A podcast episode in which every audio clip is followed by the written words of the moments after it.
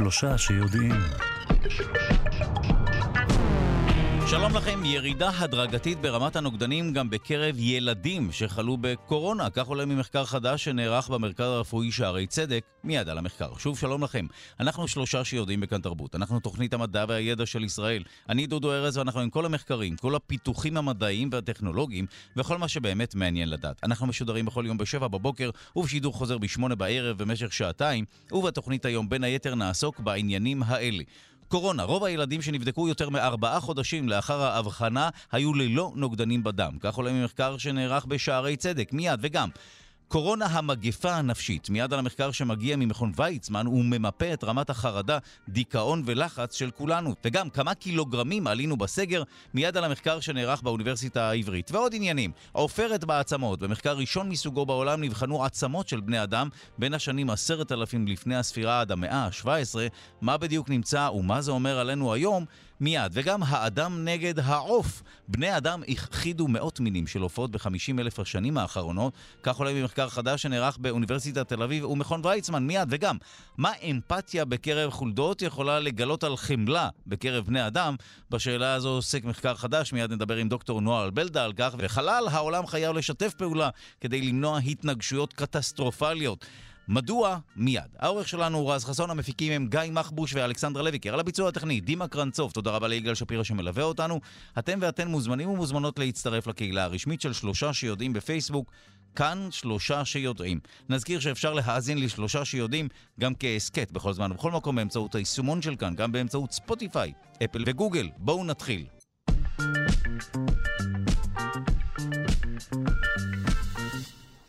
גם בקרב ילדים שחלו בקורונה נרשמה ירידה הדרגתית ברמת הנוגדנים, כך עולה ממחקר חדש שנערך במרכז הרפואי שערי צדק. רוב הילדים שנבדקו יותר מארבעה חודשים לאחר האבחנה היו ללא נוגדנים בדם.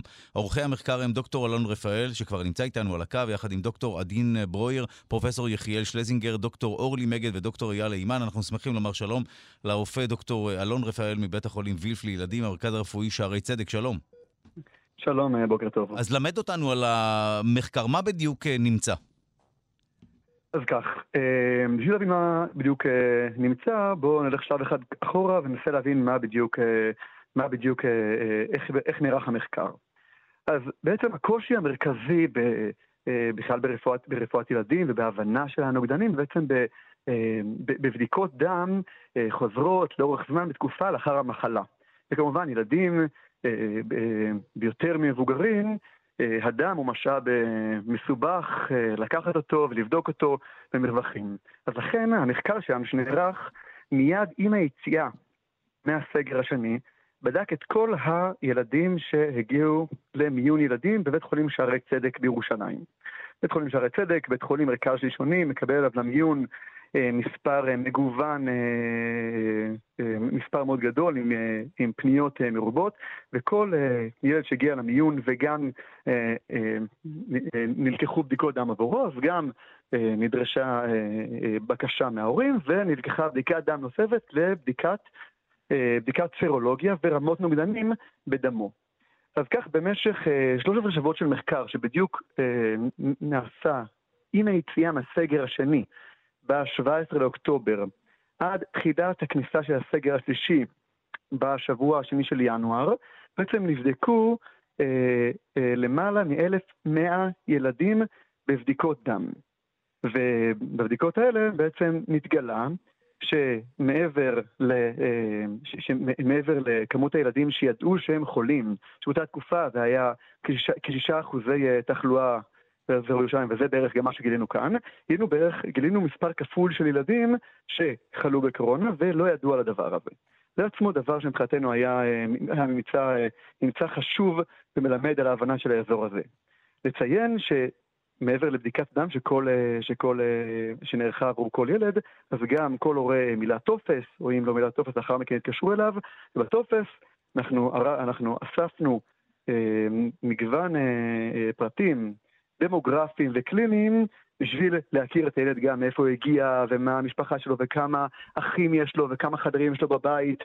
אמ, כל זה מבחינה דמוגרפית, מבחינת מערכת חינוך, לראות איפה הוא לומד, באיזה סוג מערכת חינוך, כמה ילדים נמצאים איתו בכיתה ועוד דברים כאלה. ומבחינה קלינית, מתי הוא חולה בקורונה ומה היו התסמינים שלו, ובעצם כל הפרטים האלה נלקחו ונאספו מכל אחד מ-1100 38, אם אני זוכר נכון, ילדים שבעצם עד הסוף, שיש לנו גם טפסים שלהם וגם בדיקת נוגדנים. ובשורה התחתונה גיליתם שאחרי ארבעה חודשים אין יותר נוגדנים בקרב מי שחלה בקורונה? זאת אומרת, הגוף מה, מתמודד עם הנגיף ואז מתישהו משחרר? אז, אמ, אז, אז מה שחשוב להגיד, שהבדיקה שלנו בודקת את רמות הנוגדנים, אה, רמות הנוגדנים אה, בדם, ואכן גילינו שעד 21 ימים הנוגדנים הולכים ומתפתחים ול, ולרוב האוכלוסייה שנבדקה עד 21 ימים מהמטוש אה, לא היו נוגדנים, ובעצם הגענו לשיא רמות נוגדנים לאחר מכן, בחודש השני והשלישי מהתחלואה. מה שכן ראינו אצל אותם הילדים, ראינו אה, ירידה הדרגתית שהולכת ויורדת, ועד אחרי ארבעה חודשים מהתחלואה, אצל רוב הילדים ש, שנבדקו אחרי ארבעה חודשים, אז רמות הנוגדנים שלהם היו, היו נמוכות ואף שליליות. אה, גם באופן אבסולוטי וגם כמובן ביחס לאותם ילדים, של, לילדים שנבדקו בזמן קצר יותר מהתחלואה. אז כמו שאנחנו רואים כאן, אנחנו רואים ירידה ברמות הנוגדנים בדם. אני מנסה להבין, האם זה אומר שבהנחה שאין נוגדנים בדם, זה אומר שהגוף כבר לא מכיר את הנגיף והוא צריך להכיר אותו מחדש, או שממש לא? פשוט החיילים הרלוונטיים נעלמים, אבל המידע עדיין קיים בגוף. אז, אז זו שאלה מצוינת, שיש עליה כמה, כמה תשובות, ואין תשובה שהיא חד משמעית. חשוב לציין שהמערכת החיסונית, המערכת האימונולוגית היא מערכת מורכבת ומרתקת שקוראים בה אה, אה, אה, מספר, אה, אה, קוראים בה אה, הרבה דברים שונים במספר מוקדים. כלומר, יש חלק מהמערכת שנמצאת בדם באופן פעיל, יש חלק מהמערכת שנמצאת בקשריות הלימפה, שגם אחראיות על מערכת חיסון, וחלק במח העצם. אז באמת, אז מבחינת רמות הנוגדנים, אז יש, יש מחקרים, יש מחקר מנייצ'ר, שכמובן אנחנו מכירים אותו, אה, ש, אה, ש, אה, שאומר שהיחס בין הרמות עצמם לבין התגובה החיסונית הוא לא, הוא לא יחס ישיר. עם זאת, מחקר דווקא שנערך כאן, מחקר לאחרונה שבדק את הנוגדנים של קורונה, מחקר מאחד בתי החולים במרכז, אני חושב בתל השומר, שגם, שפורסם בלנסט, כמובן גם עיתון זה, שדווקא מראה שיש קשר ישר בין רמות הנוגדנים לבין התגובה, לבין התגובה mm. החיסונית. כלומר, אז האם עכשיו אני יכול להגיד באופן אה, ברור שרמות הנוגדנים יגידו לי מה תהיה התחלואה של אותו אדם? לצערי אני לא יכול להגיד את זה, כמו שאני גם לא ראיתי ש... סוג התחלואה, תחלואה קשה יותר או קלה יותר, או סוגי סימפטומים שונים, לא הראו לנו אה, רמות נוגדנים שונות. ובכל זאת, כנראה שכן קיימת קורלציה מסוימת בין רמות הנוגדנים, ובכלל הימצאותם של הנוגדנים, אה, לבין... אה, לבין התגובה החיסונית שקיימת, וכשאנחנו רואים שאצל אותם ילדים שחלו, אנחנו רואים ירידה הדרגתית עד הימצאות נוגדנים, של... נוגדנים שלילית, וזו הדרך שלנו לבדוק ילדים, האם עכשיו צריכים בידוד, לא צריכים בידוד, כמה זמן אנחנו יכולים לדעת בבירור שהם מוגנים, אז אנחנו רואים בעצם שקיימת ירידה, ואנחנו מצאנו באמת, כאמור, אצל, אצל רוב הילדים שנבדקו אחרי ארבעה חודשים, אה, שהנוגדנים השליליים. לציין שבעצם באותה תקופה אנחנו עדיין מדברים על תקופה יחסית חדשה של הקורונה, לפני כחצי שנה, התחלואה הראשונה שהייתה, החולים הוותיקים ביותר שלנו היו מחודש מרץ. כלומר 200 ומשהו ימים מתחלואה, ועדיין, והיום אנחנו מסתכלים, והמספרי החולים האלה עדיין היו קטנים באופן יחסי למה ש...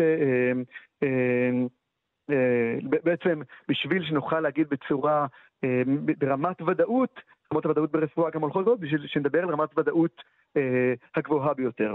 ובכל זאת, אלה הם ממצאים ראשונים שאותם אנחנו מצאנו, והם פורסמו בכתב העת האקט הפדיאטריקה, שהוא כתב עת בריטי אירופאי, אחרי שעבר כמובן את ביקורת העמיתים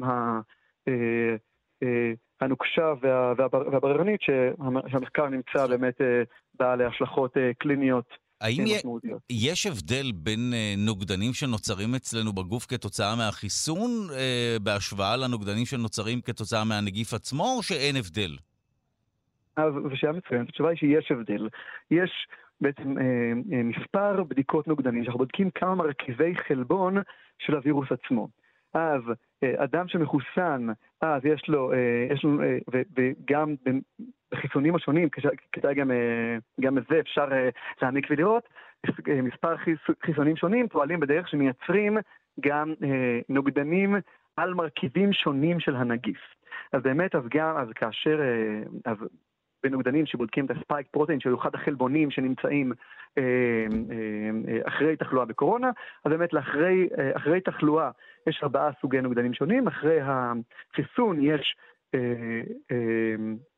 מרכיב אחד, אבל באמת מה שמחקרים שכבר הראו מהארץ, לא מחקר שלנו, שהראה בעצם שרמות, ה, שרמות הנוגדנים אחרי החיסון הן נמצאו גבוהות יותר כלפי אותו חלבון ספציפי ביחס לרמות הנוגדנים שנמצאו אחרי תחלואה בנגיף.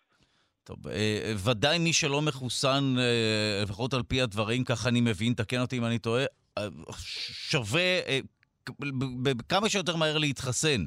מי שכבר חלה בנגיף ונוצרו אצלו נוגדנים באופן טבעי, זו ההבחנה, ויכול להיות שגם הוא יצטרך להתחסן כמה חודשים לאחר מכן. כאן מדובר בילדים, אבל אני רואה את זה כטסט קייס כללי. נכון שר, שר, שרמות החיסון, אה, אה, אה, שרמות הנוגדנים בדם הולכות ויורדות, ובכל זאת, כמו שכבר סייגתי, מבחינת רמת, מבחינת, למרות כל ממצאי המעבדה שאנחנו, שאנחנו רואים כאן, אני מסייג את דבריי, כי באמת המחקר הקליני הוא המחקר אה, הוא, הוא המחקר שבסופו של דבר יגיד לנו את הממצאים. ומחקרים האלה עובדים עליהם, ומערכת הבריאות מתעסקת במחקרים האלה כל הזמן, לראות בעצם את התחלואה עבור אוכלוסיות שונות. אה, בזמן אחרי החיסון או בזמן. או, או, או בזמן אה, אחרי התחלואה, והדברים האלה בסוף הם ייתנו לנו את, ה, את, ה, את הגולד סטנדרט, בסוף אדם, לדעת האם אדם חולה או לא חולה. כי, כי באמת, כאמור, כמו שאמרתי, רמות הנוגדנים הם עסק אה, מורכב, שגם מורכב מנוגדנים בדם וגם מקשיות לימפה וגם במח העצם, אה, ולכן אותה תגובה אה, מורכבת, ואפילו אפשר להגיד מסתורית, השונה, אצל, השונה בין אדם לאדם, היא זאת שתקבע עבורו את רמת התחלואה שתהיה לו בקורונה. וואו, טוב, תודה לך על הדברים. דוקטור אלון רפאל, רופא בבית החולים וילף לילדים, המרכז הרפואי שערי צדק, תודה. בשמחה, שיהיה לכולם הרבה הרבה בריאות ויום טוב.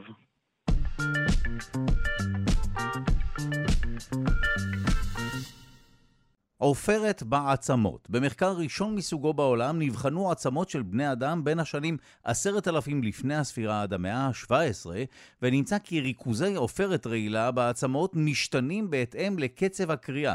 במילים אחרות, ככל שהפיקו יותר עופרת, ריכוזי העופרת בגופם של בני האדם עלו.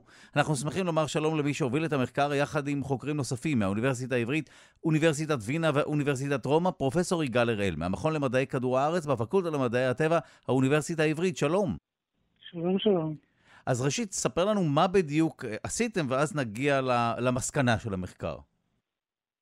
אז קודם כל חשוב לציין ש...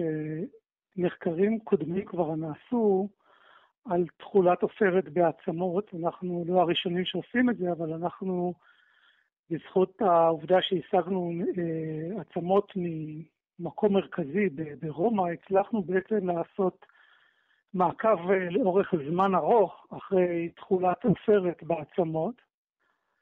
אה, למעשה בדקנו שורה שלמה של מתכות נוספות, חלקן רעילות, חלקן פחות רעילות, רק שלגבי העופרת יש לנו את היתרון הגדול שאנחנו יודעים לזהות מתי העופרת היא מקורה או נקלטה בגוף האדם בזמן חייו, ומתי נוספה אולי אה, לאחר אה, מותו בזמן, אה, במהלך הקבורה.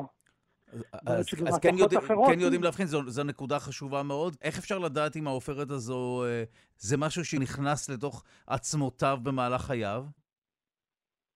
אז בעצם מה שאנחנו עושים, אנחנו לא מסתכלים רק על הריכוז המוחלט של העופרת, אלא מנרמלים את הריכוז לריכוז הקלציום, המרכיב העיקרי בעצמות, ומסתכלים על, על מתכת נוספת, על בריום, וגם על היחס של בריום לקלציום, כשבריום בעיקרון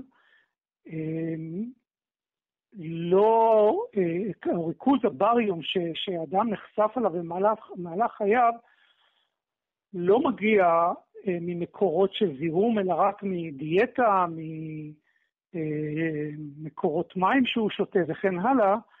וכשריכוזי הבריום, אנחנו מוצאים בעצמות ריכוזי בריום גבוהים בצורה חשודה, אנחנו יודעים שכנראה העצם הזאת עברה תהליכים אה, דיאגנטיים, כלומר לאחר הקבורה, וברגע שאנחנו רואים את זה, כיוון שלבריום ולעופרת יש כמה אה, מאפיינים דומים מבחינת היכולת שלהם או הנטייה שלהם להיכנס לעצמות, אנחנו חושדים בדוגמה הזאת כדוגמה שאולי גם העופרת שאנחנו מוצאים בה, לפחות חלק ממנה, נכנס יחד עם הבריום לאחר הקבורה. כלומר, אנחנו משתמשים בעצם בבריום כאיזשהו אה, אה, סינון כדי לזהות את הדוגמאות החשודות ולהסתכל, להתמקד בדוגמאות שבהן ריכוזי הבריום הם נמוכים, ואז אנחנו יודעים אה, ברמה מסוימת, אה, די גבוהה של אה, ביטחון, שגם העופרת כנראה היא מייצגת, כמו הבריום, את מה שקרה במהלך החיים של הבן אדם.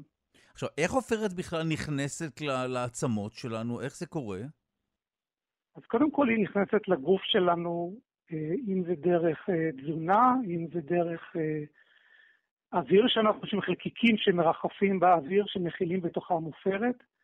ונכנסת למחזור הדם שלנו, ולעופרת יש כמה מאפיינים דומים אה, לקלציום, ובעצם הגוף, אה, אה, יכול להיות שאפילו במנגנון מכוון, מסלק את העופרת אל העצמות, גם כדי בעצם להוריד את הריכוז של העופרת המשתתת בדם, כי העופרת כשהיא מגיעה למערכת העיכול שלנו, כשהיא מגיעה ל...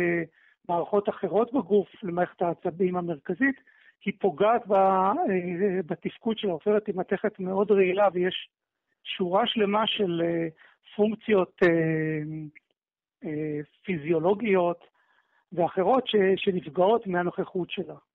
זאת אומרת, אנחנו ודאי לא צריכים עופרת בגוף. ממש לא.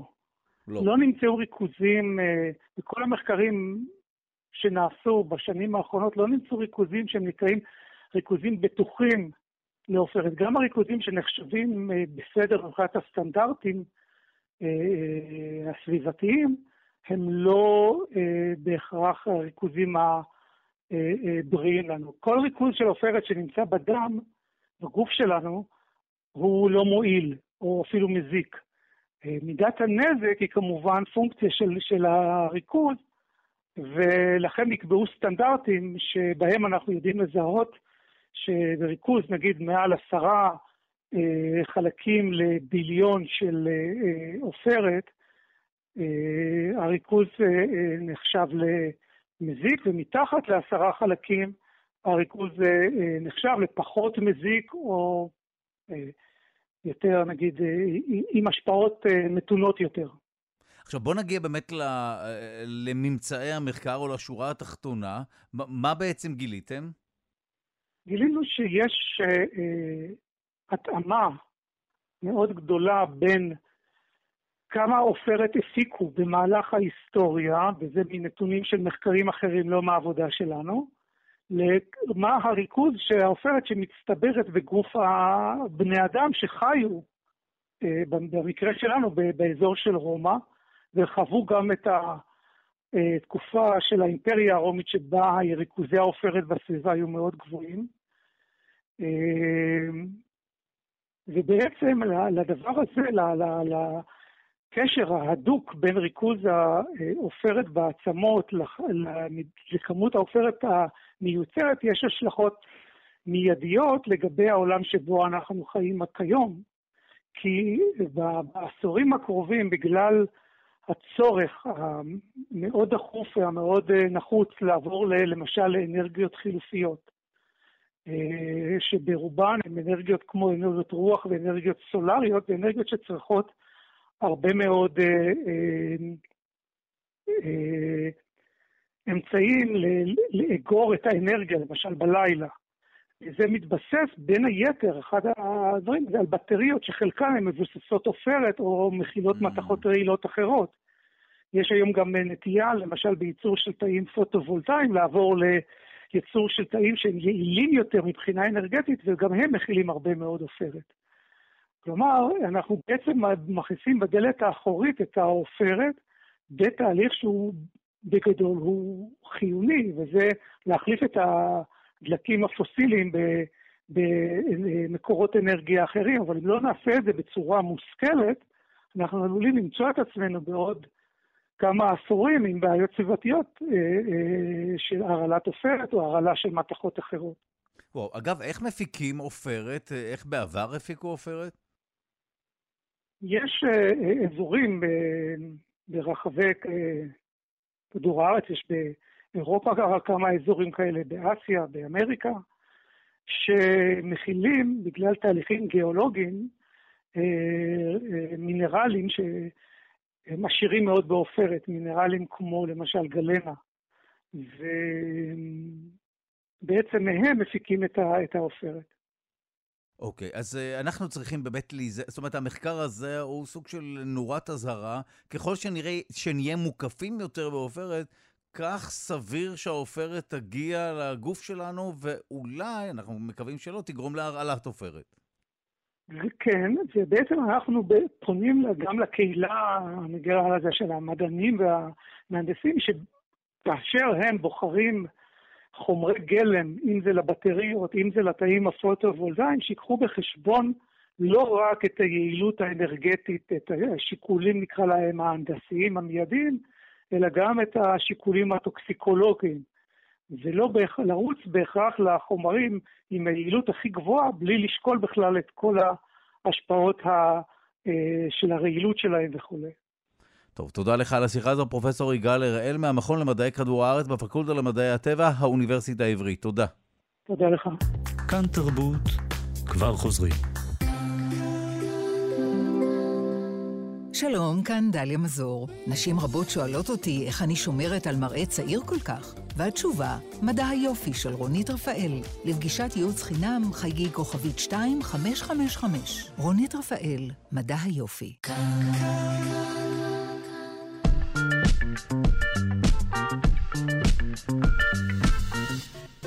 איך אפשר לבנות אפליקציות, יישומונים, בלי הצורך לכתוב אף שורת קוד? בשאלה הזו נעסוק במסגרת פינת המחשבים.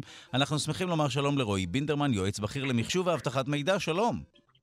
שלום ובוקר טוב. תקשיב, אני מאזין ביתר קשב לפינה הזו, כי מי מאיתנו לא היה רוצה לבנות יישומון לטלפון וכולי. הייתי בטוח שזה רק uh, מומחים לדבר מסוגלים, מהנדסי תוכנה וכולי. יש? כן, יש דרך לעשות את זה? כן, אז, אז קודם כל יש, וגם אנחנו צריכים להבין שכמו בכל, אתה יודע, כמו בכל דבר יש רמות. גם בבישול, נכון? אני יכול להיות אחלה בשלן חובב בבית ואפילו לעשות ארוחות מעולות, אבל אני לא אהיה, לא יודע השף הכי גדול בישראל, או... זאת אומרת, יש, יש כל מיני מנות, צריכים להבין גם מה, מה בעצם אנחנו רוצים. אז קודם כל בואו נתחיל מהעובדה שהנושא הזה של בניית אפליקציות התחיל איפשהו נגיד בפלוס מינוס 2010, בסדר? כי באמת באמת ב-2009 גוגל קונה חברה קטנה על סף פשיטת רגל ששמה אנדרואיד, בסדר? כמה שנים לפני זה אגב סטיב ג'ובס מוציא את אייפון, שהוא מין התפתחות אה, של, של האייפד, עם בסך הכל דחף פנימה יכולת אה, תקשורת סלולרית וכולי, ואז מתחיל בעצם כל הנושא הזה של סמארטפון, זאת אומרת איזשהו, איזושהי פלטפורמה שהיא גם יודעת לחייג ולדבר, וגם אה, יודעת לעשות כל מיני קסמים שעד אז היו שמורים למחשבים, אתה יודע, לפתוח דפדפן, לגלוש קצת באינטרנט, מחשבון וכולי וכולי, ואז בעצם מתחיל עולם שלם של פיתוח אפליקציות למובייל. אה, ממש ככה קראו לזה, ממש נישה בתוך עולם אה, הנדסת התוכנה, והדבר הזה מתחיל עוד פעם אי שם באמצע שנות האלפיים, כאשר נניח השיא שלו אה, איפשהו ב-2014-2015, באמת, ממש כל העולם באטרף על אפליקציות מובייל, אלא מאי, עד אז הם נכתבו מה שנקרא בצורה שנקראת נייטיב. מה זה אומר? ממש אה, בנו אפליקציה אה, בשפת קוד, אה, כל, כל מובייל וה, והשפה הייעודית שלו ומה שמתאים למערכת ההפעלה שלו, ורוב האפליקציה הייתה ממש מותקנת על המובייל. כלומר, נניח שהיה שם בסיסי נתונים, היה על המובייל. תמונות, סרטים, הכל היה על המובייל, מה שגרם לאפליקציות להיות מאוד מאוד כבדות, אמנם מאוד יעילות, כי הכל היה מה שנקרא on premise, כאילו על, ה, על המכשיר, אבל זה, זה ניפח את האפליקציות אה, מאוד, וככל שדרישת השוק הלכה וגברה, זאת אומרת, רצו פה כמה קווים מקביל. הטכנולוגיה של המוביילים נהייתה אה, מפחידה בקטע החומרה, ברמה שהמוביילים של החמש שנים האחרונות הם יותר חזקים מהמחשבים והלפטופים שהיו לנו לפני שמונה ועשר שנים. אה, והדרישות כל כך עלו שבעצם אנשים שכחו שהמובייל מחייגים איתו, שזה ייעודו המקורי, והוא בכלל פלטפורמה לעבודה. זאת אומרת, אם אנחנו נסתכל היום על, על, על המנעד של האפליקציות, באמת שאנחנו מנהלים הכל משם, קופת החולים, הבנק, הלינקדאין, פייסבוק, גוגל, מיילים, מה שאתם רוצים. ואז מה שקרה זה שהאפליקציות האלה בשיטה שנקראות נייטיב ומותקנות כל כולן על המובייל נהייתה מאוד כבדה וחיפשו כל מיני דרכים אה, להקל את העניין. בד, במקביל מה שקורה זה שחברות ממשיכות לתחזק את האתרים, את אתרי הווב שלהם. אה, ואז יצא כאילו שהם היו צריכים לפתח בעצם שני דברים במקביל, וזה אין אף חברת תוכנה שאוהבת לפתח, אתה יודע, יותר מגרסה אחת או שתי גרסאות, זה עושה המון בעיות, זה, זה, זה גם הרבה כסף, זה הרבה דיסציפלינות, בקיצור לא משתלם. ואז התחילו להיכנס לדבר הזה שנקרא טכנולוגיות הייבריד, אה, וטכנולוגיות ענן וכולי וכולי. ואם כולם זוכרים, אז יש איזו חברה חמודה קטנה ישראלית שהתחילה גם לפני, אתה יודע, עשור ומשהו, אולי קצת יותר, וקוראים לה וויקס.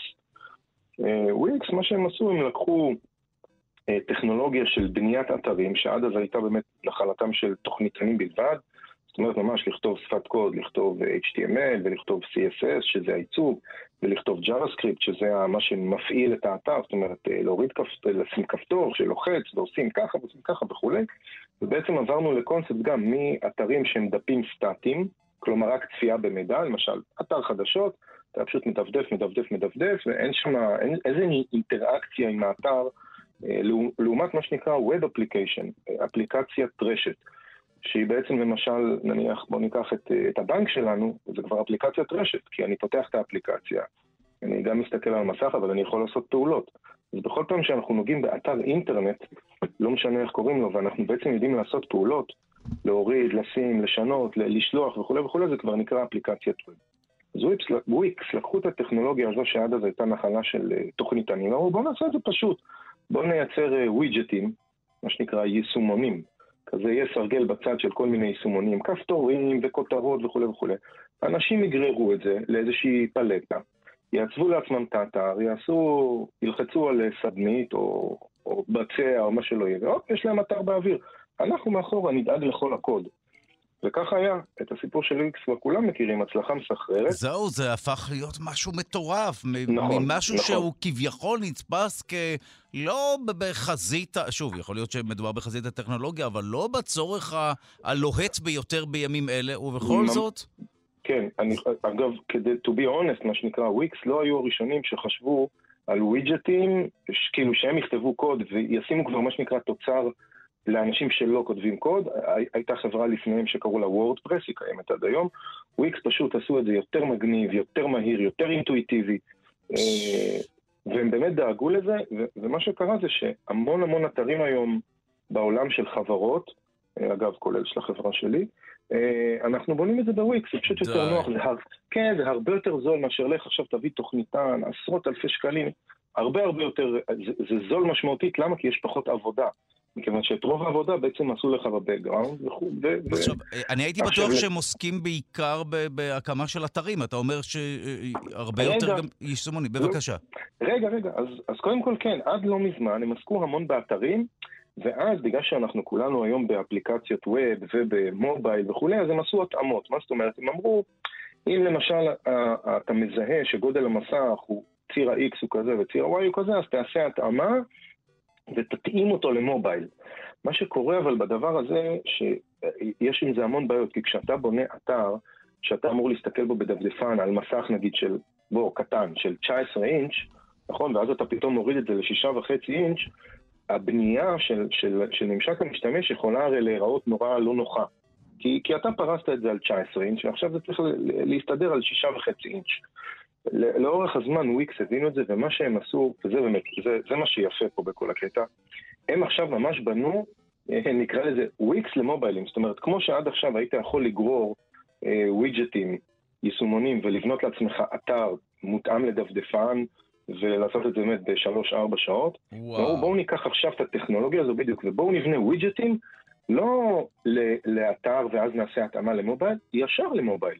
זאת אומרת, קח ווידג'טים, תגרור למסך, גם רואים אה, ממש, אתה רואה צורה של מובייל, זאת אומרת מראש, כשאתה יושב מול הדפדפן ומתכנן את האפליקציה שלך, הם עושים לך הדמיה של הפלטה שלך זה בעצם מסך של מובייל, אתה גורר את הווידג'טים, אתה שם אותם, אתה בודק שהם כאילו שהם מגיבים לך, כשאתה לוחץ על כפתור באמת קורה X, קורה Y. עכשיו, אגב, אה, מאחורה יש בסיס, אפשר להוסיף בסיסי נתונים, אפשרויות תשלום, באמת. אז זהו, אז השאלה היא, האם זה בחינם להדיוטות, לגולשים?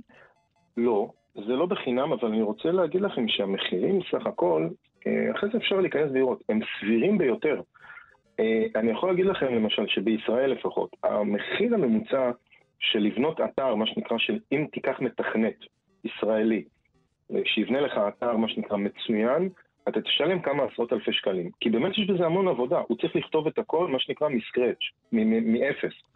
אם תלך לפלטפורמות כמו וויקס נגיד, או וורדפרס היותר ותיקה, העלות, העלות מתקצצת ביותר מחצי, אה, בהרבה יותר מחצי.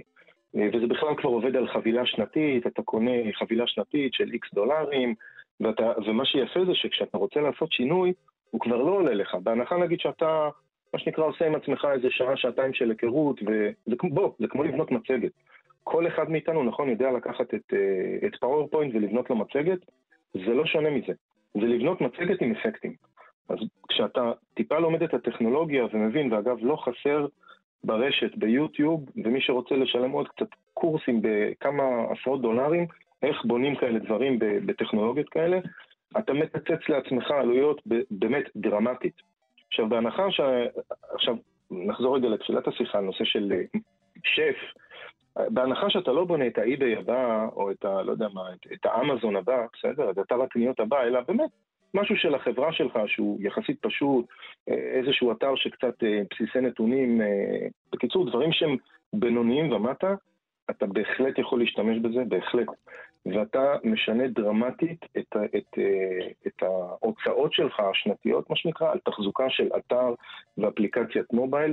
והטכנולוגיה הזו באמת מדהימה, מכיוון שעד עכשיו, אם היית צריך לשלם למפתח אתרים בנפרד, למפתח מובייל בנפרד, לא רק זה, בתוך המובייל, אה, iOS בנפרד, אנדרואיד בנפרד, שמע, הרבה כסף, הרבה תשומות, הרבה ניהול. אה, הם לקחו ואיחדו את הכל, אמרו, עזבו, חבר'ה, הכל באותו, מה שנקרא, באותו סל. כנסו לאתר, תרכשו מנוי, שחקו עם זה קצת, שינויים, מה שנקרא, הם חינם, למה? אתה כבר שם, כאילו, הם לא לוקחים, אתה יודע, זה widget, לגרור widget להוריד, לשנות פה, לשנות שם. אתה הולך היום לעשות שינוי באפליקציה קיימת, ייקחו לך כסף, כי זה עוד פעם, זה לכתוב את הכל מחדש, לעשות קומפילציה וכולי. באמת, טכנולוגיה מדהימה. אגב, המאמרים האחרונים והטכנולוגיה בעולם מוכיחה לאט לאט אנחנו מתכו... מתכו... מתכוונים לעולם שנקרא no code. זאת אומרת, מי שיכתוב באמת קוד זה המתכנתים מאחורי הדברים, ואנחנו לאט לאט נקבל כל מיני דברים שאנחנו יכולים, אנחנו זה אומר, אתה יודע, אנשים שהם לא טכנולוגיים בכלל, לא יודע, רואי חשבון, עורכי דין, יוכלו לבנות לעצמם אתרים, אפליקציות, אה, אפליקציות ווב וכולי, ומי שיעבוד מאחורה זה יהיו רק בחברות הגדולות yeah. או בחברות יהודיות. יהיה אדם אחד ש... שיודע C++ וכל השאר ישבו על אה, ראשו או כתפיו. כן, בגדול, וואו. כן. שמע, זה, זה, זה באמת נושא מרתק, ומי שמכיר קצת תכנות וזה יודע עד כמה, גם מי שמכיר את זה, זה לא משהו שהוא קל מאוד וידידותי מאוד, ולכן נכון, הדברים האלה נכון. באמת מנגישים את כל עולם אה, בהחלט. יצירת האתרים בצורה מאוד משמעותית. זו בדיוק הכוונה. כן, נכון. תודה זו לך. זו הכוונה של החברות. אני מאוד מקווה שמי שהאזין לנו ויישם ודאי ירוויח. תודה רבה לך, יועץ הבכיר למחשוב ואבטחת מידע רועי בינדרמן. תודה. ביי ביי.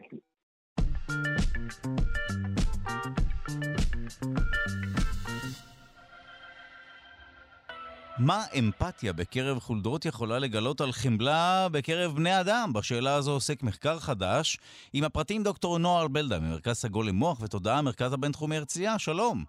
שלום, בוקר טוב. אנחנו צריכים להרחיק לכת עד חולדות כדי לגלות אה, חמלה בקרב בני אדם או על חמלה?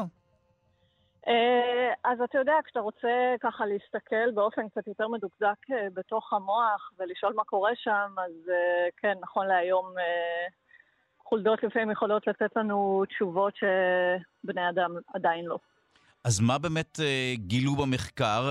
קודם כל, בואי נדבר על חמלה בעולם החי, בקרב חולדות וכולי. מה זה אומר חמלה בקרב חולדות? אז אה, ספציפית, אה, כשבודקים את זה בחולדות, מה שעושים זה לקחת חולדה, לסגור אותה בתוך מין קופסת פלסטיק די צפופה, להכניס לכלוב שלה עוד חולדה, אה, וכשעושים את הפרוצדורות האלה רואים שהחולדה החופשייה, הזאת שמסתובבת חופשי בכלוב, אה, הרבה מאוד פעמים תלך ותשחרר את החברה שלה מתוך, ה... מתוך המיכל הזה שמחזיק אותה, אה, גם, גם אם החולדה החופשייה למשל מאוד מאוד רעבה ויש אוכל בכלוב, אז הרבה פעמים לפני שהיא תלך לאכול, היא תלך לשחרר את החברה שלה והם ילכו לאכול ביחד. אוקיי, אז, אוקיי, אז אנחנו מבינים שיש אמפתיה בקרב חולדות. מה נמצא אנחנו... במחקר ואיך זה מעיד עלינו? כן, אז אני אגיד, קודם כל, חשוב להגיד כמובן שכשאנחנו עושים מחקרים בעלי חיים, אנחנו עושים פה איזושהי פרשנות. אני הרי לא יכולה לשאול את החולדה למה שחררת את חברה שלך ומה את מרגישה כלפיה, זה סוג של פרשנות שאנחנו נותנים להתנהגות. אבל uh, כשאנחנו מסתכלים על הפעילות המוחית של החולדות האלה, אנחנו רואים שהרשתות שמופעלות אצלם במוח זה אותן רשתות שמופעלות אצלנו כשאנחנו חווים אמפתיה. אז לפחות מבחינת המוח והמנגנון העצבי זה, זה נראה כמו אמפתיה. אוקיי, okay, אז מה נמצא במחקר? אני מנסה להבין את השורה התחתונה של המחקר, ואז להבין איך זה מסקרן אז... אותי, איך זה קשור אלינו, בני האדם. אז מה שמעניין במחקר הזה זה שהחוקרת שעשתה אותו, דרך אגב, חוקרת פה מאוניברסיטת, אה, מאוניברסיטת תל אביב, מה שהחוקרת הזאת הראתה אה, במחקר הזה זה שהאמפתיה אצל חולדות היא לא לגמרי אוטומטית. זאת אומרת, היא... בווריאציה אחת של הניסוי, היא הכניסה לכלוב שתי חולדות שהן בדיוק מאותו זן, חולדות מגיעות בזנים שונים, אז היא הכניסה שתי חולדות שהן מאותו זן, ובווריאציה אחרת של הניסוי, היא הכניסה לכלוב שתי חולדות שהן משני זנים שונים. נראתה שהסיכוי שהחולדה החופשייה תשחרר את החולדה הכלואה היה הרבה הרבה יותר גבוה אם שתיהם היו מאותו זן. עכשיו, זה משהו שאנחנו מאוד מכירים מבני אדם, שאנחנו אמנם יכולים להיות יצורים מאוד נדיבים ואמפתיים וחומלים, אבל גם אצלנו זה לא אוטומטי וזה עובד בעיקר כשהאדם הסובל שאנחנו רוצים לעזור לו, אה, הוא שייך לקבוצה שלנו, בין מעניין. אם זה הקבוצה ה... אתנית, מגזרית, לאומית, מגדרית. עניי עירך קודמים, זה קורה גם בעולם החי. נכון, זה קורה גם בעולם החי, ומה שהיה שם מעניין זה שהם הראו, הם הראו שבשני המקרים המנגנונים העצביים של אמפתיה במוח הופעלו. זאת אומרת, גם כשהייתה שם חולדה מהזן שלך, וגם כשזו חולדה מזן אחר, מנגנוני אמפתיה במוח הופעלו, אבל רק במקרה שזאת הייתה חולדה מהזן שלך, הופעלו גם מנגנונים מוטיבציוניים שהפכו את האמפתיה לאיזושהי התנהגות של בפועל לשחרר אותה מהכלוב. זאת אומרת, זה שאנחנו מרגישים אמפתיה כלפי מישהו, זה לא בהכרח אומר שאנחנו נעזור לו. אמפתיה זה להזדהות עם הכאב שלו, להבין שהוא סובל. זה לא מספיק בשביל לגרום לנו לרצות לעזור לו. כאן צריכה להיכנס המוטיבציה, והמוטיבציה הזאת לצערנו עובדת בעיקר כשזה באמת אנשים שאנחנו תופסים אותם כעניי עירנו ולא עניים של כל מיני uh, ערים אחרות. תשמע, אוקיי, אז הנה, הרחקנו לכת עד חולדות וגילינו את מה שאנחנו יודעים אה, אה, שרלוונטי לבני אדם. אנחנו דואגים יותר, קודם כל, חמלה, כפי שאמרת, זה משהו שיכול לפעול בהרבה סיטואציות, אבל זה לא בהכרח אומר שאני באמת אפעל, נכון? משהו צריך איכשהו לעורר מוטיבציה ל- לתת כסף, לוותר על משאבים, לטובת אותו אדם, להסתכן. נכון. עכשיו, אתה יודע, יש פה איזשהו פרדוקס שאנחנו יצורים שמצד אחד באמת לפעמים מסכנים את עצמנו בשביל להציל אנשים אחרים, ומצד שני לפעמים פוגעים אחד בשני באופן מכוון, וזה מסקרן שבאותו מוח בדיוק, אתה יודע, אתה יכול לקבל uh, את, את שני הצדדים של המטבע. וואו, טוב, אז הנה, הרחקנו לכת עד חולדות כדי לגלות את מה שאנחנו יודעים אה, עלינו, בני האדם. אנחנו, אה, המוטיבציה שלנו לפעול במקרים של מצוקת האחר היא כשהוא אחד משלנו, בכל מיני מובנים. נכון, ואז באמת נשאלת השאלה, כשמדברים שם בעצם על ההשלכות של המחקר, אומרים, תראו, ללמד אנשים להרגיש אמפתיה זה טוב ויפה, אבל זה לא מספיק.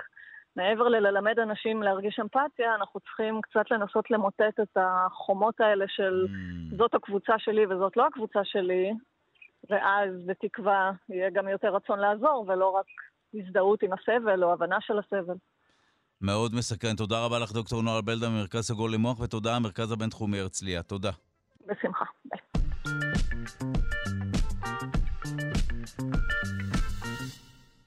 הפשרת קרקעות לא במובן הנדל"ני. משבר האקלים גורם לכך שמבנים ותשתיות בצפון רוסיה נפגעים קשה כתוצאה מהפשרת קרקעות, הפשרה פיזית של קרקעות שהיו עד אה, לא מזמן קפואות. אה, מי שמכיר את הביטוי כפאת עד שמיד אה, נשמע עליו. כיצד מתמודדים שם עם התופעה ומה אנחנו כאן בישראל יכולים ללמוד על הדברים כשאנחנו מבינים מה קורה שם.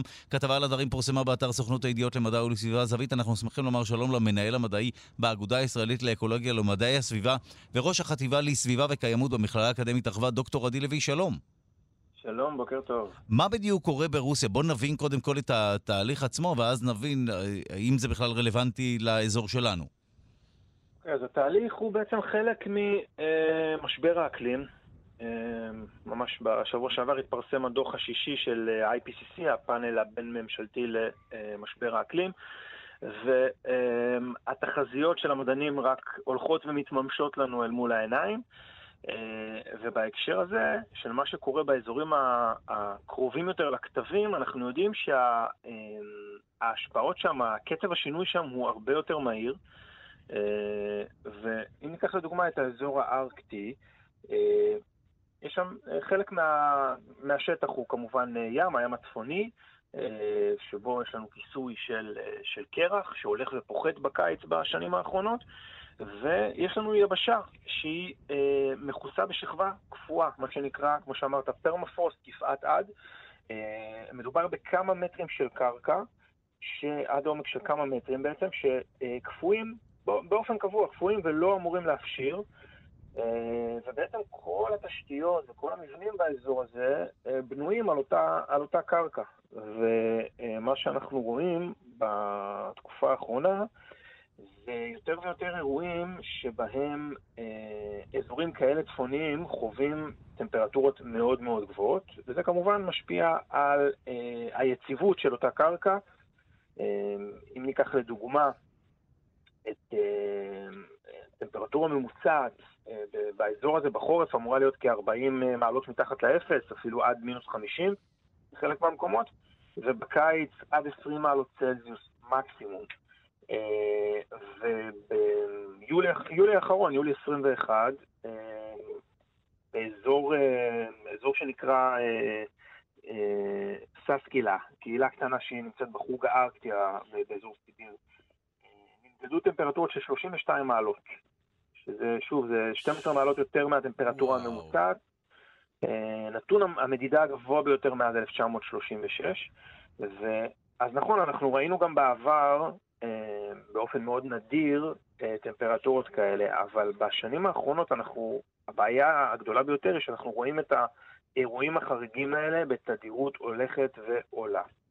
ואז בעצם מה שקורה זה שאם אנחנו מסתכלים על האזור הזה, על אזור החוף הארקטי הרוסי, באזור אה, סיביר, מ-1998 מדובר שם על התחממות ממוצעת של כמעט חמש מעלות, אה, שזה קצב עלייה מטורף מבחינת שאר העולם. אז זה קודם כל מה שקורה באזורים האלה, האזורים הצפוניים והדרומיים מאוד, זאת אומרת קרוב לכתבים האזורים שבהם אנחנו רואים שינויים הכי קיצוניים, הכי מהירים, אה, ויש לזה משמעות לגבי הפרמפרוסט.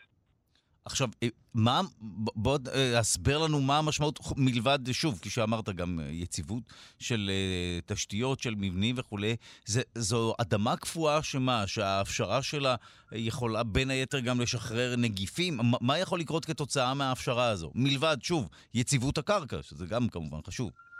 אז קודם כל, אה, הרבה דברים יכולים לקרות. אה, הדבר האחרון שאמרת בעצם, אה, יש בה, באותם אזורים קפואים, יש פוטנציאל בעצם למצוא בעלי חיים, אולי אפילו בני אדם, שמתו לפני הרבה מאוד שנים, והם קפואים בקרח, וכמובן יש פוטנציאל שנמצא שם חיידקים ונגיפים שלא באו במגע עם ה... עם בני האדם, עם הסביבה, במשך הרבה מאוד שנים. אה, אז יש גם פוטנציאל להפצת מחלות, אבל הבעיה אולי, או שתי בעיות הרבה יותר גדולות, אחת זאת בעיה מקומית, הנושא של התשתיות. אה, אה, השר, שר משאבי הטבע ברוסיה, אלכסנדר קוזלוב, העריך שיותר מ-40% מכלל הבניינים בצפון רוסיה חווים איזשהו עיוות, עיוותים במבנה שלהם, כתוצאה מאותה הפשרה. פשוט הקרקע מפשירה, הקרקע זזה,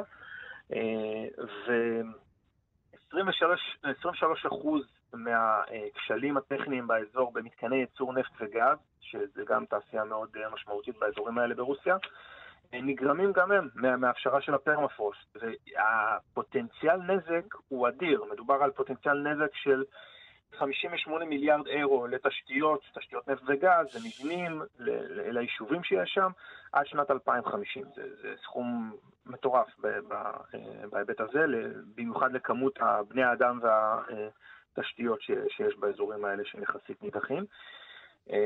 אבל זה אפקט מקומי. יש לנו בעיה מאוד רצינית גלובלית עם המסע של פרמפרוסט. יש בעצם שני תהליכים באזור, ה...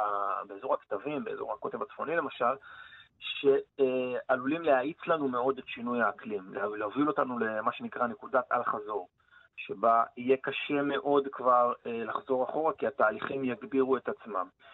תהליך אחד, שאנחנו אה, הולכים ומאבדים את כיסוי הקרח אה, בקוטב הצפוני, בעצם אין לנו שם יבשה, יש לנו שם קרח ימי, וככל שיש פחות קרח, אז הקרח, אנחנו יודעים, הוא מחזיר את אור השמש, הוא מחזיר כ-90% מאור השמש בחזרה אל מחוץ לאטמוספירה, וכשהקרח הזה מתחלף בים, הים קולט את רוב הקרינה. הים קולט יותר מ-95% מקרינת השמש, ובעצם זה פוטנציאל להתחממות ככל שאנחנו הולכים ומאבדים מהקרח הימי שם, אה, ובכלל קרח אה, אה, באזור הזה. אז זה דבר אחד שיכול להאיץ את ההתחממות, אבל בתוך הפרמפרוסט יש הרבה מאוד חומר אורגני, אה, אזור שהוא אה, היה עשיר בחומר אורגני כשהוא היה אה, מופשר, ויש פה פוטנציאל משמעותי מאוד לשחרור של גז מתאן, שהוא פי 30 יותר חזק בהיבט של אפקט החממה. פי 30 יותר חזק לאורך 100 שנים באטמוספירה, אם מסתכלים רק על 20 שנה זה אפילו פי 80 יותר חזק מפחמן דו-חמצני, גז חממה מאוד משמעותי, ומדובר פה על שטחים אדירים, על כמויות מאוד גדולות של, אה, של גז מתאן שמשתחרר אה, כשחומר אורגני מתפרק ללא חמצן על ידי חיידקים, וגם פחמן דו-חמצני אה, בכמויות לא מבוטלות יכול להיפלט מה, מהקרקעות האלה, ככה שההפשרה היא בעיה מקומית קשה. אבל יכולה להיות בעיה אה, גלובלית קשה עוד יותר, ולהאיץ לנו את שינוי האקלים אה, לצד ההיעלמות של הקרח, אה, לפחות מדברים בקיץ על עד 2050 על אוקיינוס צפוני, בעצם קוטב צפוני ללא קרח בכלל, לפחות פעם אחת. זה פוטנציאל אדיר להגדלת ההתחממות של מי הים באותו אזור והגדלת ההתחממות של הסביבה באותו אזור, ו... אה, האצה משמעותית של משבר האקלים. וואו, טוב, זה גם עונה על השאלה איך זה ישפיע עלינו, או האם זה אה, עשוי או עלול להשפיע עלול, עלינו, כן. או עלול להשפיע. זה, כפי שאמרת, זה לגמרי יכול, יש לזה השפעה כללית על הכל. בהחלט, כן. יש פה אה, פוטנציאל להאצה של אה, משבר האקלים בהיבט הגלובלי. באזור שלנו כמובן אין קרח ואין אה, אה, בעצם אה, אה, פרמפרוסט, אין קרקעות קפואות, אבל אה, ההחמרה של, של המשבר באזור שלנו זה אומר יותר גלי חום, שגם טמפרטורות גבוהות יותר וגם האורך שלהם הוא יותר ימים. זה אומר, ככל שיש לנו יותר גלי חום, גם יותר שריפות, וזה יכול להיות גם שריפות ענק, כמו שהייתה לנו בכרמל ב-2010. ובעצם בצורות אה, ולצד זה אה, גשם שיורד בזמן קצר, בכמות גדולה. אה, המגמה הכללית היא הפחתה בכמות הגשם של סדר גודל של 20 25 בשנים הבאות, בעשורים הבאים, אבל אנחנו כן חושבים שהגשם שיגיע, יגיע לנו במנות גדולות יותר, באירועים. מן הסתם אה, מעודדים גם הצפות, גם ככל שאנחנו בונים יותר ויותר על השטחים הפתוחים, שטחים מחלחלים, אז גם יש לנו פחות שטח מחלחל וגם אה, אנחנו צופים אה, לקבל את הגשם במנות גדולות יותר שהקרקע לא, לא מספיקה לספוג אותו, ולכן פוטנציאל של, שוב, של בצורות, של שריפות, של גלי חום, של הצפות, מאוד משמעותי באזור שלנו. ואנחנו צריכים לפעול אתמול, האמת, לא היום. זה לעשות הכל כדי לצמצם את פליטות גזי החממה שלנו ולהיערך לבאות. ושוב, האזור שלנו הוא יחסית לא כמו הכתבים, אבל הוא מושפע בצורה די חזקה ממשבר האקלים יותר מאזורים אחרים. התחממנו כבר ב-1.4 מעלות צלזיוס לעומת 1.09 או 1.1 בכל העולם. אז יש פה אפקט מהיר יותר, ולכן אנחנו צריכים להיות ערוכים לעתיד, והעתיד זה כמה עשורים קדימה. טוב, תודה לך על הדברים, דוקטור עדי לוי, מנהל מדעי באגודה הישראלית לאקולוגיה ולמדעי הסביבה וראש החטיבה לסביבה וקיימות במכללה האקדמית אחווה. תודה. תודה לכם.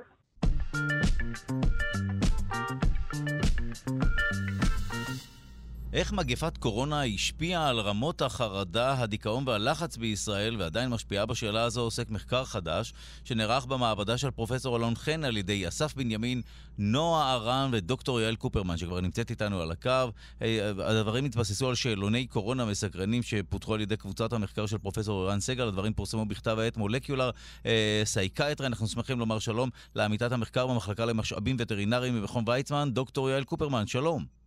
שלום, בוקר טוב. טוב, אז למדי אותנו אה, קודם כל אה, על המחקר עצמו, מה בדיוק נעשה ומה המסקנות, ואז אולי גם תסבירי לנו איך זה קשור למשאבים וטרינריים, או שזה לא קשור? האמת שזה לא קשור. אני בהיסטוריה שלי הייתי סטודנטית של אלון חן, ואני קצת מעורבת שם עדיין במחקרים.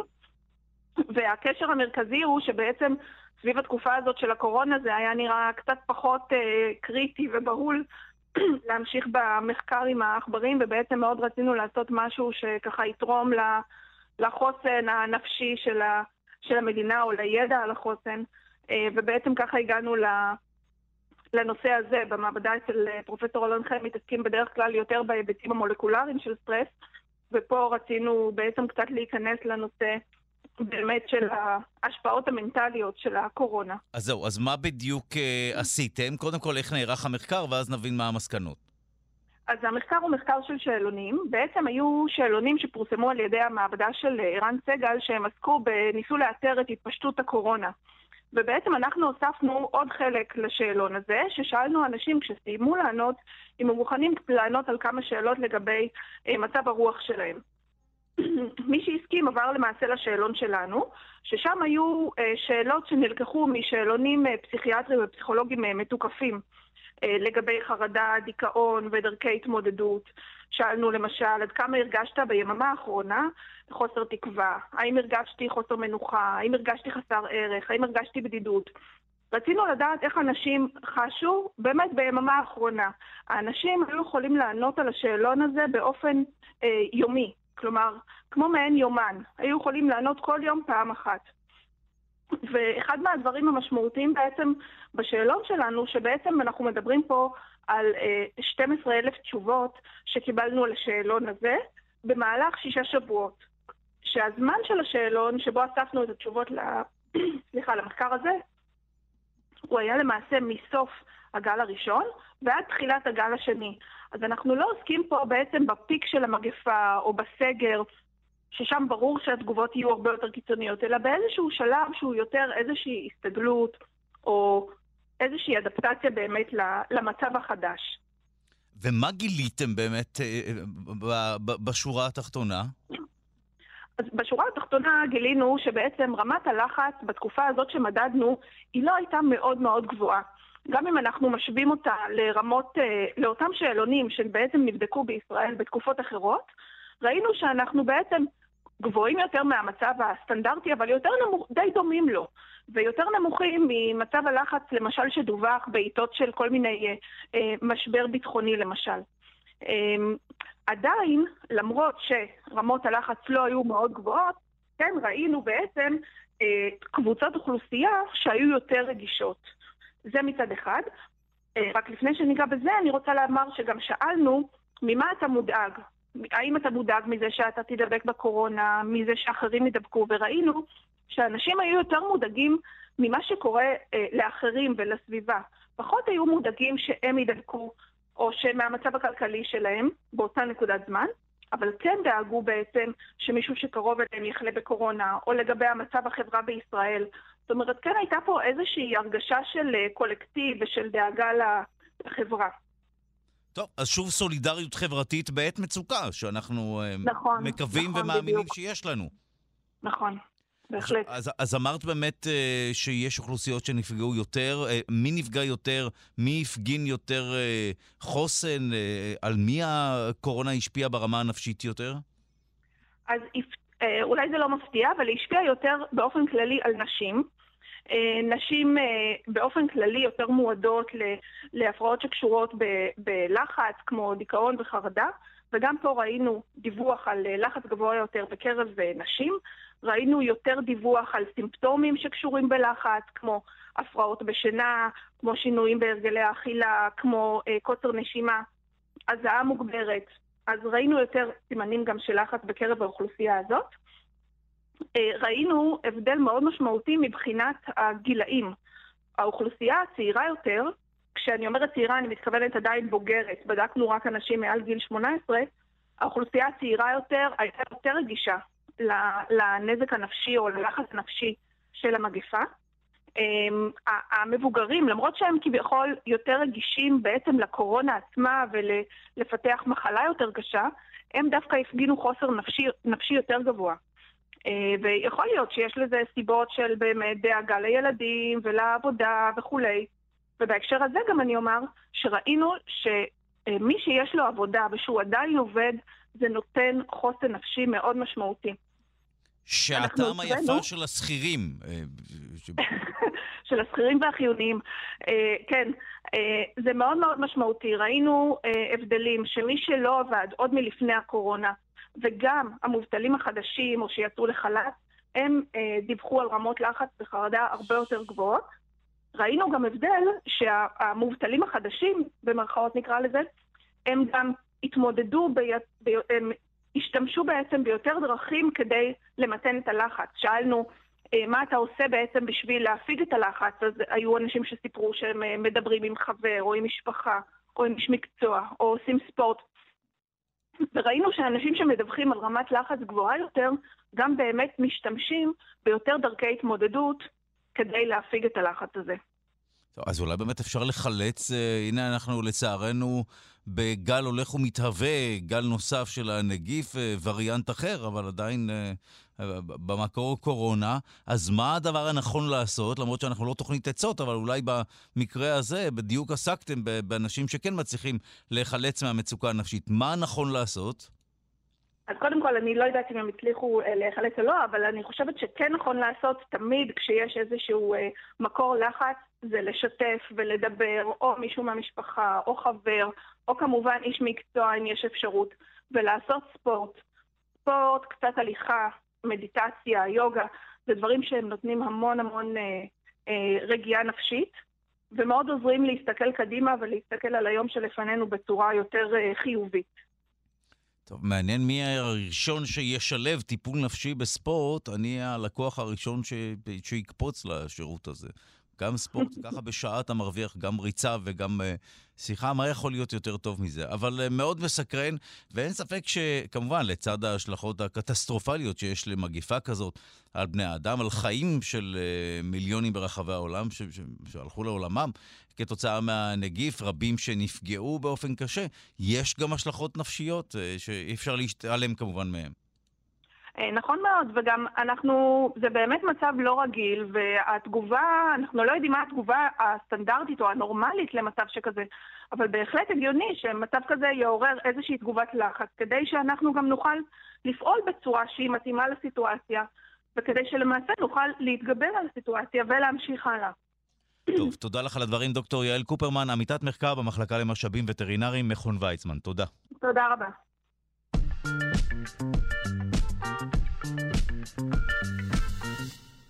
קורונה, סגרים וספורט. במחקר ישראלי חדש נבחנו השפעות הסגרים על בריאותם של אנשים פעילים גופנית הממצאים התבססו על שאלונים אנונימיים שמילאו 1,200 מתאמנים, והתוצאות, שימו לב, בעקבות הסגרים 70% מהמשיבים התאמנו פחות מהרגיל, 60% התאמנו בבית.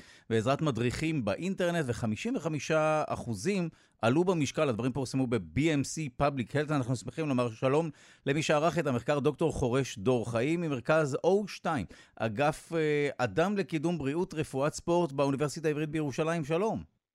שלום וברכה. טוב, אנחנו נשמח uh, ללמוד על המחקר הזה, מה בדיוק uh, ניסיתם לבדוק ומה מצאתם?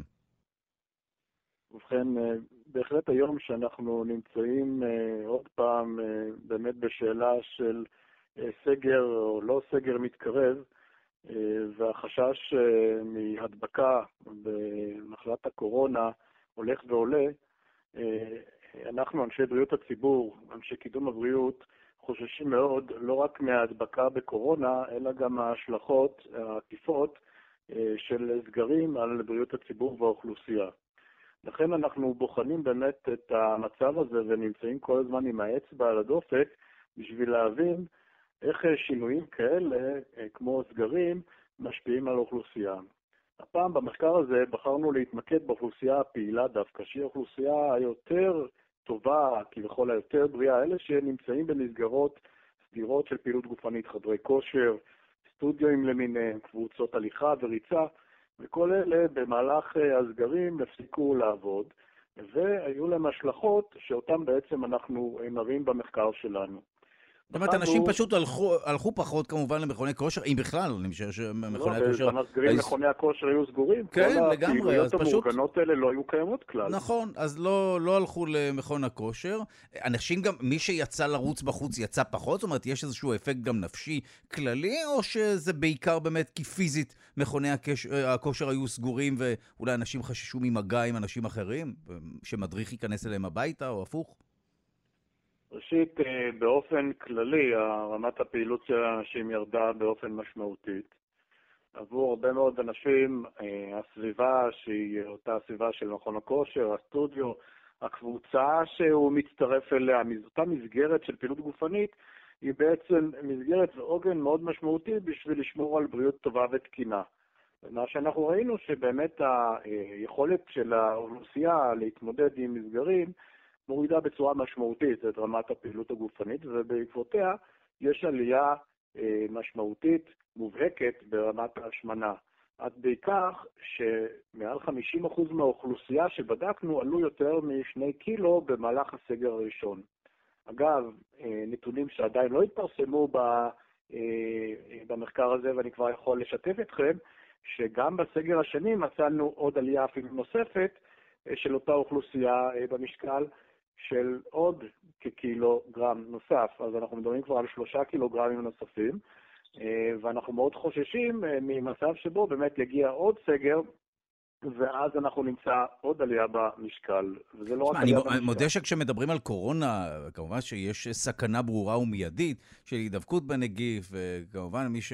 לא מחוסן נמצא בסכנת מוות, מי שמחוסן אולי קצת פחות מסכנת מוות, אבל עדיין אה, קיימת אה, סכנה, והנה אנחנו מדברים פה על איזשהו אפקט אה, צד, אבל כן משמעותי. זאת אומרת, אי אפשר לבטל את ההשפעה הזו על בריאות הציבור. מדובר בקילוגרמים, אבל בסופו של דבר זה משהו שבאמת מתבטא בבריאות, נכון?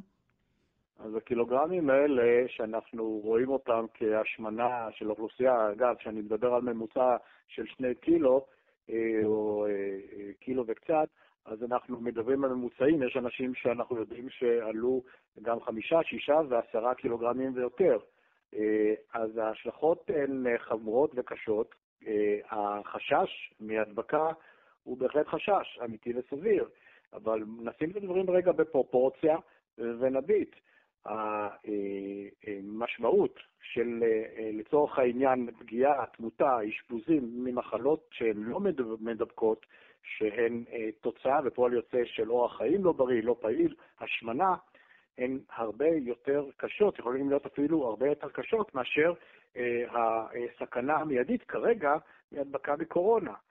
כאשר יש התארגנות שלמה, ועדות בכנסת, אה, פעילות אה, של אה, כל ארגוני הבריאות, הסתכלות על הדרך לעבות את בתי החולים אני לא רואה את אותה, באמת, אותו מאמץ שנעשה על מנת למנוע את התחלואה של המחלות הלא מדבקות. אתה יודע כמה אנשים מתים מדי שנה בעולם המערבי ממחלות לא מדבקות? 40 מיליון איש בשנה. כמה אנשים מתים בשנה ממחלות מדבקות? כ-20% מזה. 80% ממקרי המוות בעולם המערבי הם מחלות לא מדבקות. והנה הפועל היוצא הישיר של סגרים ושל היעדר חלופות לאוכלוסייה במצבים שבהם יש לנו אה, משברים כמו מגפות. אז פה יש באמת... היום אנחנו צריכים להיערך מחדש ולהפיק לקחים. זהו, מה... בדיוק. אז בדיוק רציתי שתדבר על uh, הפקת הלקחים מהמחקר, משהו שאולי יסייע לנו, אם יהיה סגר נוסף, או באופן כללי, שווה כן, להבין את המשמעות. אז שאנחנו צריכים אכן להפיק לקחים uh, מהסגרים ומההשלכות שלהם על בריאות הציבור, ואנחנו, uh, אנשי בריאות הציבור, רואים את. ההשלכות האלה יום-יום בקליניקה עם אנשים, בייחוד האוכלוסייה שהיא פגיעה יותר, האוכלוסייה שיש לה מחלות כרוניות, כבר שיש להם סוכרת, שסובלים מלחץ דם, שסובלים אה, ממחלות לב איסקמיות. אנחנו רואים את האוכלוסייה הזאת, באמת שרמת התפקוד שלהם יורדת עוד יותר מכלל האוכלוסייה, וכאשר לוקחים להם את המסגרות, אז אלו לא מצליחים למצוא חלופות זאת אומרת, אם יש באמת, אתה בחור צעיר, יכול ללכת לרוץ עכשיו בים, הכל בסדר, אוקיי? שטחים פתוחים. לאוכלוסייה המבוגרת, לאוכלוסייה הפגיעה יותר, לאוכלוסייה עם תחלואה כרונית, אין את האפשרות הזאת, אין להם את האלטרנטיבות, והם בעצם מסתגרים בבית מאוד מפוחדים, מאוד מפוחדים מהעניין של ההדבקה. רמת הפעילות שלהם יורדת ורמת התפקוד יורדת הרבה יותר. אנחנו עד כדי כך שאנחנו מוצאים אנשים, אצלנו באגף שלנו מגיעים לנו קבוצות רבות של אוכלוסייה, כולל אוכלוסייה שנמצאת בסיכון וסובלת ממחלות כרוניות, ואנחנו רואים מסגר לסגר, אנחנו רואים את האנשים האלה מידרדרים, חלקם כבר לא יכולים להגיע כיוון שהפכו להיות סיעודיים. אנחנו באמת קוראים פה לכל מי שעוסק בתחום של בריאות בכלל, כל מי שעוסק ברפואה בכלל, לראש הממשלה, לשר הבריאות, אנא מכם, קחו בחשבון את ההיבטים של הפסקת הפעילות, של הסגרים, של על בריאות הציבור, תמצאו את החלופות, תעודדו את האנשים ותמצאו להם מסגרות שיאפשרו להם לשמור על בריאותם, למנוע השמנה, למנוע מחלות מטבוליות, ובאמת להמשיך להיות פעילים, כדי שבאמת יוכלו להמשיך לתפקד כמו שצריך ולחיות אורח חיים בריא. זה חשוב לא פחות מההתמודדות עם הדבקה וקורונה. וגם אם הקריאה הזו לא תגיע עד לראשות הממשלה או לראש הממשלה, גם אנחנו, האזרחים, צריכים אולי באמת להפיק את הלקחים וכן לנסות ולהמשיך להתמיד בכל מה שקשור לפעילות ספורטיבית, כי אה, אנחנו נישא בתוצאות. בהחלט אה, אני מסכים איתך, ופה נכנס העניין של באמת התודעה הציבורית, ופה אתה באמת אה, מסייע לי אה, להפיץ את הבשורה ולסייע לקידום של בריאות האוכלוסייה. אנא, אנשים, כלל ברזל והוראות ארגוני הבריאות, המלצות ארגוני הבריאות לפעילות גופנית. פעילות גופנית באירובית כמו הליכה, אופניים, שחייה צריכה להתבצע יומיומית, לפחות חצי שעה. יומיומית, לפחות 150 דקות בשבוע. פעילות גופנית שהיא פעילות אה, לחיזוק, גמישות, שרירים, צריכה להתבצע לפחות פעמיים בשבוע בנוסף לכך. תראו שאתם עומדים בצרכים, כן, בתנאים הבסיסיים אה, של המלצות ארגוני הבריאות, ותשמרו על בריאות טובה. פעילות גופנית היא תרופה. צריך להתייחס אליה כתרופה מניעתית, וגם תרופה לבן אדם שכבר חלה. לא להזניח, ובאמת לקחת את הבריאות בידיים יופ. שלנו, זו אחריות שלנו, אחריות של כל אחד מאיתנו באמת, לקדם את הפעילות הגופנית שלו ואת הבריאות שלו, וזה באמת מה שחשוב. אני רואה בשיחה הזו גם כן נזיפה אישית בי, אה, מבלי שאתה אה, אה, תתכוון לכך נקודתית, כי זה באמת משהו שאני בעצמי גם חיפפתי באופן כללי בתקופות הללו, גם אני משלם על כך, וזה באמת לא פחות חשוב מדברים... אתה עלית במשקל בתקופת הקורונה? ודאי שעליתי במשקל, וודאי שהפחתתי בפעילות. אתה רוצה לשתף אותנו כמה? אה, אני חושב שהפסקתי לבדוק. מכיר את התקופות שבהן אתה כבר לא בודק, אתה אומר, אוקיי, נקווה שזה יחלוף הדבר הזה, אבל זה משהו שקשה להיפטר ממנו. כן, אה, בערך, לא- לא להערכתי, לפחות שלושה קילוגרם. אם, אם כבר אתה מזכיר, כי היום בבוקר במקרה עליתי על משקל בקופת חול, בדיוק שלושה קילוגרם. שלושה קילוגרם. זה לא מעט. זה, זה ממש מתאים, זה ממש מתאים, אתה ממש נמצא בקנה מידה של אה, המחקר שלנו. אבל לי אין תירוץ טוב, אני פשוט אה, חיפפתי. זה, טוב, זה, אני חושב שזה מייצג את מירב האוכלוסייה, כן? הקילוגרמים האלה, שדרך אגב, שאנחנו צוברים, הם לא רק קילוגרמים וכבדות משקל, אלא הם באמת גם מקדמי חולי. ומורידים את התנגודת שלנו לאינסולין. הם גורמים לנו לעלייה בסוכר, הם גורמים לנו לטרשת עורקים, הם גורמים לנו לעלייה בלחץ דם. כל הגורמי סיכון האלה הם בעצם גורמי סיכון שהם אה, תלויי חוסר פעילות גופנית. טוב, לגמרי, גם בלי הפירוט האחרון אני אה, קניתי את העצה הזו. תודה רבה לך על הדברים, ואני מקווה שכולנו למדנו מהשיחה הזו. דוקטור חורש, דור חיים ממרכז O2, אגף אדם לקידום בריאות, רפואת ספורט באוניברסיטה העברית בירושלים. תודה. בריאות שלמה, להתראות.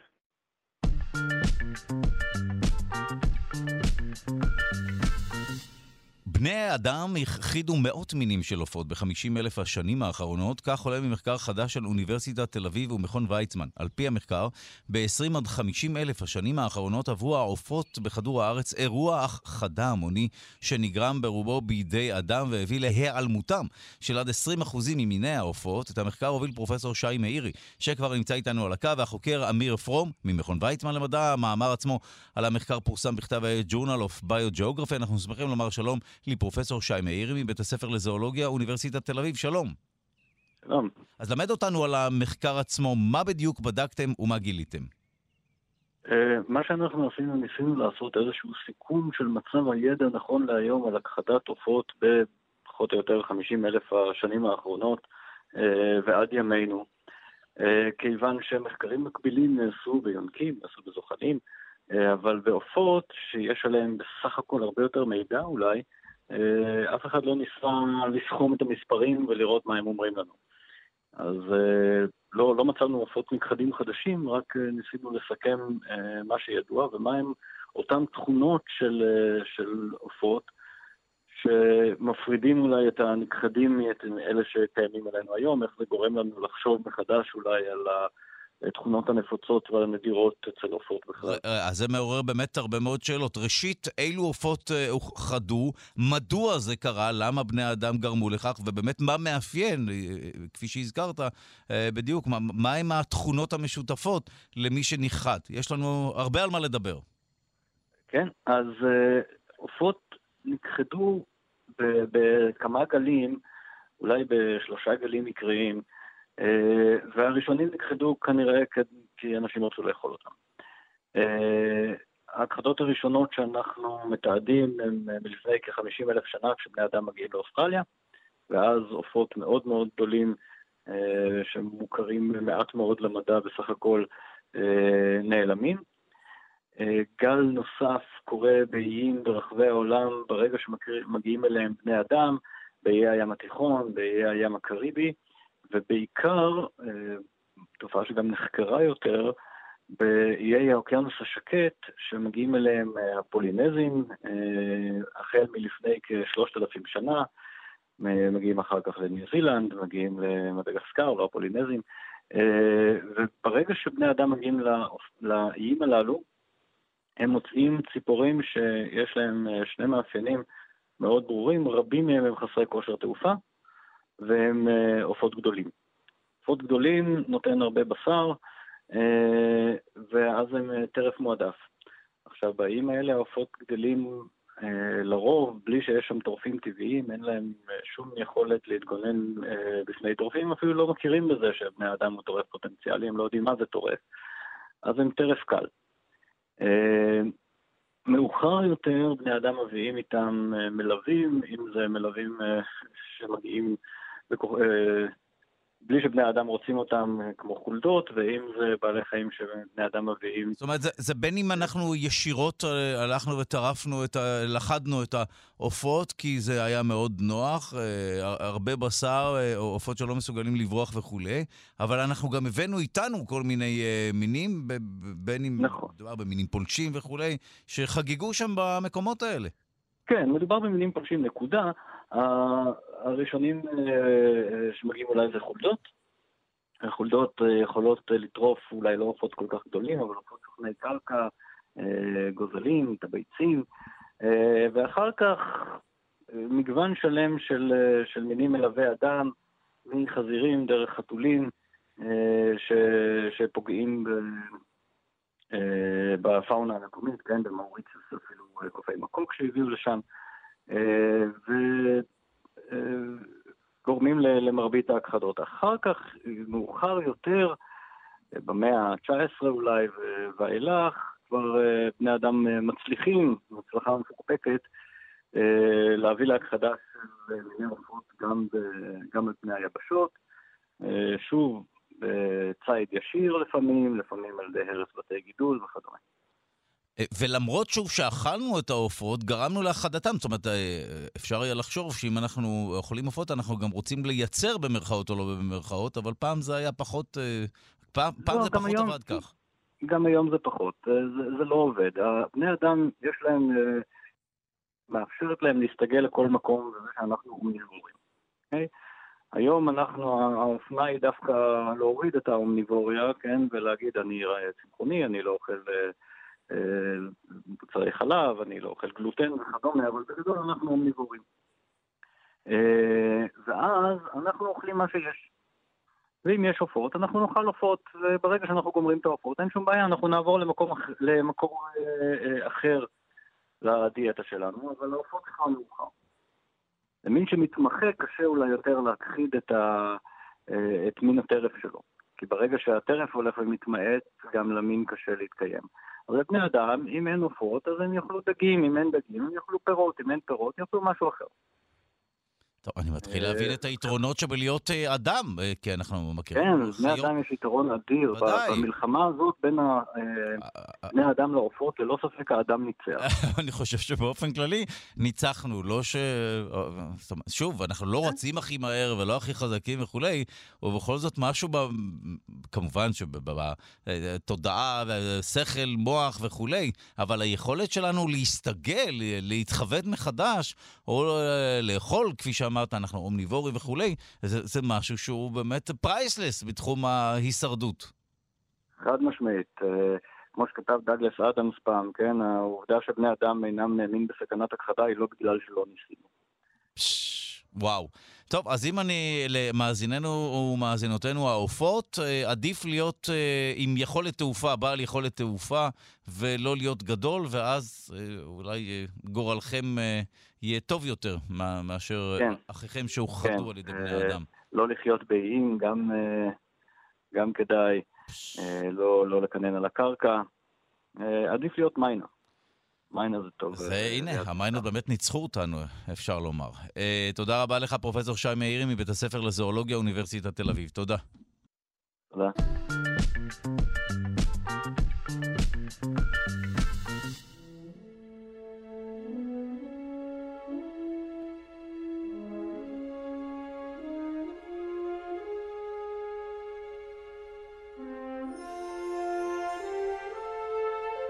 העולם חייב לשתף פעולה כדי למנוע התנגשויות קטסטרופליות בחלל, כך קובעים מומחים. וכשאומרים עולם מתכוונים גם לממשלות, אבל גם לחברות פרטיות. אנחנו שמחים לומר שלום לדיקן בית הספר לקיימות במרכז הבינתחומי הרצליה וחוקר האטמוספירה וחלל, פרופסור יואב יאיר, שלום. שלום דודו, בוקר טוב.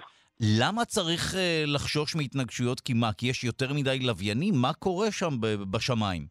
כן, בשנים האחרונות אנחנו רואים אינפלציה, במובן השלילי של המילה. של עצמים אה, מעשי ידי אדם שנמצאים במסלולי הקפה סביב כדור הארץ. אני רק אתן דוגמה את פרויקט Starlink אה, של חברת SpaceX, ששיגרה 1,700 לוויינים בשנתיים האחרונות, ויש פקקי תנועה בחלל. עד שהחגורות הללו, שבהם הלוויינים מקיפים את אה, הפלנטה שלנו, הופכות להיות צפופות עד כדי סכנות התנגשויות. יש מעקבים, אחרי כל הגופים האלה, גם על ידי סוכנות החלל האירופית, ESA, עם מרכז הבקרה שלה בדרמשטאט בגרמניה, וגם של נורד, ה-North American Air Defense, של הצבא האמריקאי אה, בצפון דקוטה, שעוקבים עם מכ"מים ענקיים אחרי מעופם של החלליות והרסיסים והלוויינים והמשגרים, ולוויינים חיים ומתים, שנמצאים באלפיהם אה, בחלל, במסלולים שלא פעם חולפים אה, זה קרוב מאוד לזה.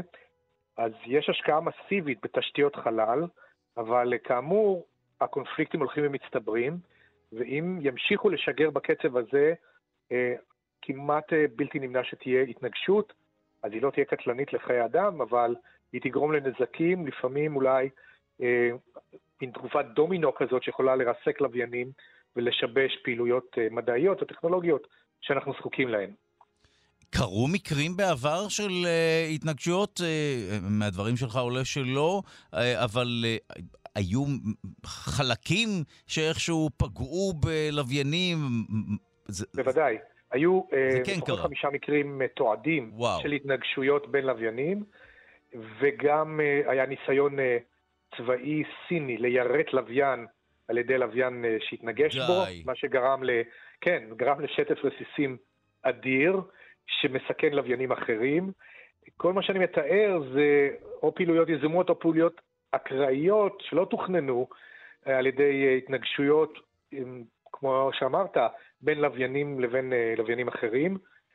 והמטרה של קופוס, קופוס זה גוף של האו"ם, שנקרא ה-Committee on the Peaceful Usage of Space, הוועדה לשימושים לצורכי שלום של החלל, זה גוף בינלאומי, הוא קם ב-61, עוד בראשית עידן החלל, אבל צפה פני עתיד וראה שהחלל הולך להיות מקום צפוף, עם הרבה מאוד פוטנציאל, ומסחרי, עסקי, צבאי, ביטחוני וכמובן מדעי, וצריך מישהו, איזשהו גוף שינטר ויקבע את החוקים, כמו שיש בתעופה, הרי אתה יודע, כמו שכל המאזינים יודעים, מטוסים לא טסים להיכן שהם רוצים ללא בקרה, אלא יש נתיבים מסוימים, יש מרכזי בקרה יבשתיים, יש חוקי תעבורה, חוקי הפרדת גבהים, עד גובה 29,000 רגל.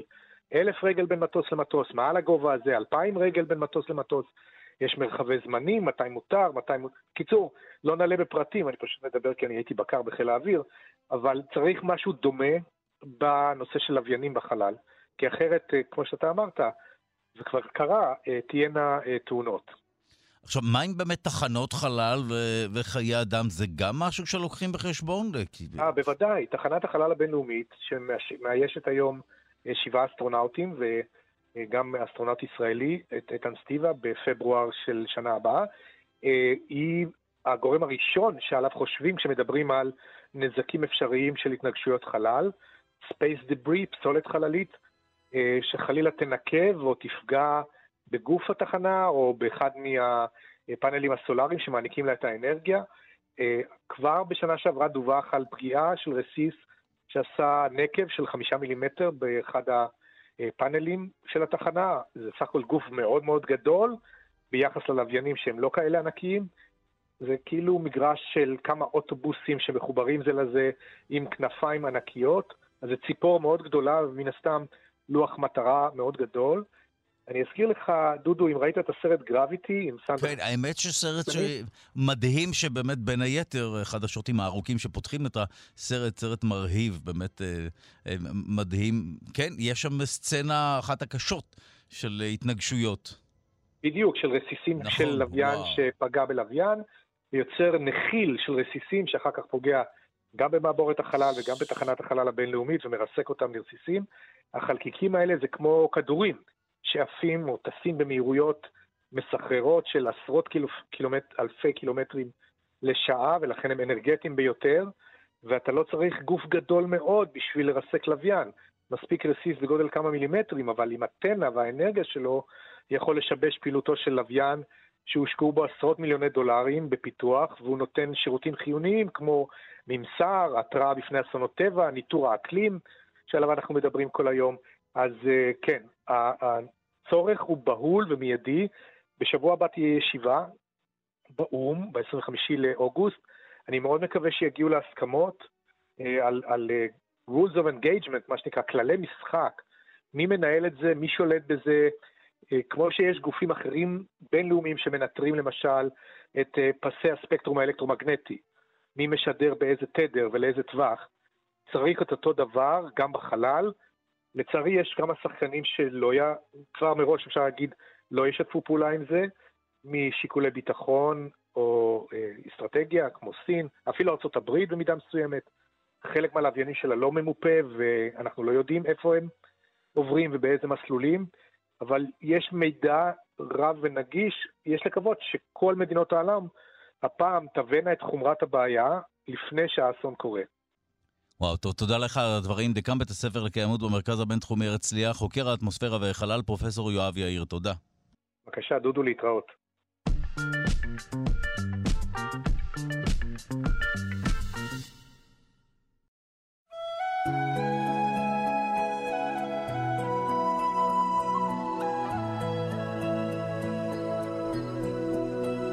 ובמסגרת פינת התרבות נאחל מזל טוב לבמאי ג'יימס קמרון שחוגג ממש היום יום הולדת 67. אנחנו שמחים לומר שלום ליונתן גת, לשעבר ג'ת, מרצה לתרבות ומבקר תרבות. שלום. שלום דודו, כן, אנחנו מדברים על במאי שהספיק המון בשנותיו, הוא לא כל כך מבוגר לעומת סל הסרטים הענק, עתירי התקציב. ואלה שעשו את ה, אולי את הבאז והאימפקט הכי גדול בתקופות מסוימות. מי שלא יודע, טיטניק, לאחור אבטאר, לאחור אה, שליחות קטלנית 2, לאחור אחת. יש עוד, אה, שקרים אמיתיים, חגיגה, כל סרט הוא חגיגה. ואולי, ואולי אה, אחד הסרטים, אולי הסרט הכי טוב שלו בעיניי, שזה שוב, שובו של הנושא השמיני. אה, שזה כמובן הסרט השני בסדרה אה, של ה... אה, מין סדרת סרטי האימה, מדד, whatever, השילוב של שניהם. טוב, מה, איך, מה סוד הקסם שלו בעיניך, אה, כמי שמכיר, רואה, ואפילו מכיר סרטים ש, שרבים מאיתנו לא מכיר? זאת אומרת, אה, איך הוא בספקטרום הזה שבין אה, במאי בידורי לבמאי אומנותי וכולי, אם אפשר כמובן לדבר על הספקטרום הזה? כן. ג'יימס קמרון, אפשר להגיד שבמידה מסוימת הוא השלומו הארצי של הוליווד. הוא יוצר סרטים שנוגעים בדופק של התרבות ההמונים. הוא יודע אה, כבר, ב, אתה יודע, בתקופות די מוקדמות, ליצור סרט שהוא, אם אני לא טועה, הוא המכניס ביותר, הוא השני המכניס ביותר בתולדות האנושות. אבטאר, כן, סרט שהכניס לקופות אה, סכומי כסף עצומים, ש, שאי אפשר פשוט לתאר את, ההיסחפות הטוטלית של הקהל, וזה אחרי שטיטניק שלו היה best seller ענק. זאת אומרת, הוא מייצר סרט אחרי סרט ששובר שיאים ושיאי קופה. כדי ליצור סרטים כאלה, אתה לא יכול להיות אה, משתבלל בתוך האומנות של עצמך. אתה לא יכול להיות אמן מודרניסטי או פוסט-מודרניסטי ולחשוב בסגנון פדריקו פליני שקורא לסרט שלו שמונה וחצי, כי זה הסרט השמיני וחצי שלו. אתה צריך להיות מאוד מאוד קומוניקטיבי. אתה חייב uh, להבין איך לפרוט על נימי הרגש הכי דקים, או אם תרצה, להכות על תופי הטמטם שאיתם uh, כולם מזדהים ומתייצבים ברגע שקוראים להם ולמרות, ולמרות שאיך שאתה מציג את זה, וגם הביטוי שלמה ארצי של הוליווד, זה לא קל. אני משער שאולפנים, משקיעים רבים, אנשים רבים, ישמחו לשים את הכסף שלהם או להשקיע את הכסף שלהם בפרויקטים שיגעו בהמונים. ברור, ברור. עכשיו תשמע, אני יודע שזה נשמע שיש בטון שלי זלזול, ואכן יש. אבל לצד זאת, לצד זאת, אני לא יכול שלא להתפעל מהיכולת של האיש הזה להרכיב, אני, כשאני אומר זלזול, אני אומר במרכאות, כי אני מודה שבטעם האישי שלי אני מעדיף אומנים ששקועים ביצירת האומנות שלהם ומזמינים אנשים אחרים להיחשף למשהו חדש ולא ליצור משהו מוכר או משהו אהוב מראש כמו איזושהי נוסחה כזאת שאתה מציב לך נוסחה שאומרת זה פלוס זה פלוס זה ירגיע הרבה קהל. אבל אי אפשר להתעלם מהפנומן, מהפנומן הזה של האיש, שבכל זאת מצליח להכתיב שיח קולנועי וקופתי אה, ענק. לקחת, תחשוב רגע, קח את הסרט טיטניק, סרט שזה שלוש שעות וחצי, אם אני לא טועה, אולי יותר, סרט של שלוש וחצי שעות, משהו כזה, אם לא... אה, שבעצם כולם יודעים את הסוף, כן, סיפור של טיטניק, כולם יודעים את הסוף וזה הסוף, טר... וזה סוף מר. זה סרט האקשן קורה בו רק בחצי שעה האחרונה. יש בו המון המון בלה בלה בלה כזה, והמון... אה, ובכל זאת להפוך סרט כזה ל best seller, שבתקופות מסוימות היה בכל הזמנים כאמור, זו חוכמה די גדולה, אני חושב. חוכמה די גדולה. לקחת מין דבר כזה שעכשיו קצת ביקורת, שהשחקנים שם עשו עבודה מאוד רעה, וזו התנהגות שם, זה ממש תסריט של רומן למשרתות. אתה יודע, הנסיכה, אשת המעמד הגבוה, אה, מתאהבת באיזה פועל פשוט באונייה, זה זה פליט. זה קצת סרט זה בורקס. לא? אם זה היה בישראל ומצולם קצת אחרת, זה סרט בורקס לגמרי. בדיוק. ובכל, ובכל זאת? זאת? ובכל זאת, כדי להקים את כל המערך הזה ולסחוף את ההמונים, אתה לא יכול להיות בלתי מוכשר. חייב שיהיה לך בעצם איזו יכולת להרכיב מין בהחלט נוסחה, אה, לא רוצה להגיד מדעית, אבל להרכיב נוסחה שתשלב בין רומנטיסיזם, שיש כאלה שיגידו רומנטיסיזם בגרוש, אבל בוא נגיד רומנטיסיזם פלוס סרט אסונות, כן? זה לא כל כך דבר פשוט. לקחת רומנטיקה, לשלב, אותו, לשלב אותה עם סרט אסונות, לגרום לקהל להיות מרותק לכיסא במשך שלוש וחצי שעות, מעטים יודעים לעשות את זה. מעטים יודעים לעשות את זה.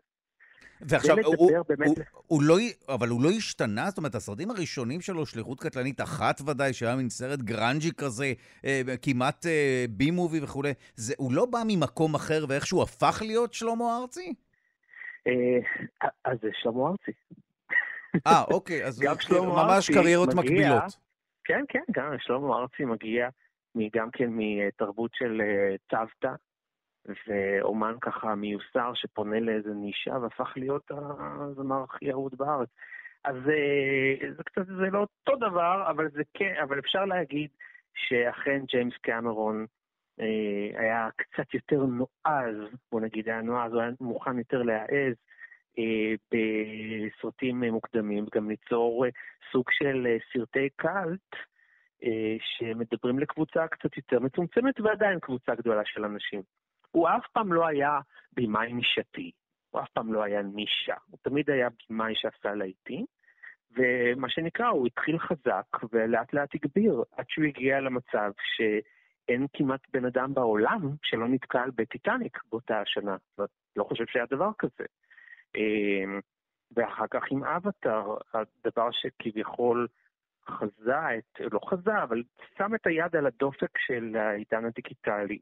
עידן הזהויות המתחלפות, הזהות המתפצלת, הזהות המגובה, הענן, ה...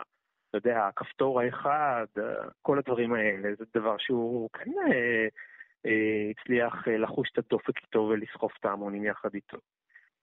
זה, זה אדם שדפנטלי יודע לספר סיפור בצורה יוצאת מן הכלל, אה, וגם לגבות את זה בהרבה מאוד אה, visual מרהיב, עם תקציבי ענק, גם לגייס תקציבי ענק של מאות מיליונים, גם זה צריך לדעת לעשות, והוא עושה את זה. לגייס, לקחת לפעמים סיפורים שנשמעים קצת מיושנים, כמו הטיטניק, שהיה סיפור שהיה נשמע כמו טרגדיה מאוד מיושנת וארכאית, ולהפיח בו חיים של סיפור גדול מהחיים. הוא בן אדם שיודע באמת לקחת אה, סיפור, לזהות בו את המרכיבים הטובים ולהפוך אותו למשהו גדול מהחיים. זה נכון אגב שהוא התחיל, כ... כן. אה, רגע לפני מה שכן, זה נכון שהוא התחיל כנהג משאית? אה, ככה אומרים, פרטי הטריוויה שלו, הם מפוצצים את הפורומים השונים, הוא באמת אה, עסק בכל מיני עיסוקים איזוטריים, אבל בוא, שמע, מדונה התחילה בתור נערת מעליות. כן, אנשים התחילו בכל מיני צורות משונות. אוקיי, אז אני קטעתי אותך כשאמרת, לא, ניסית...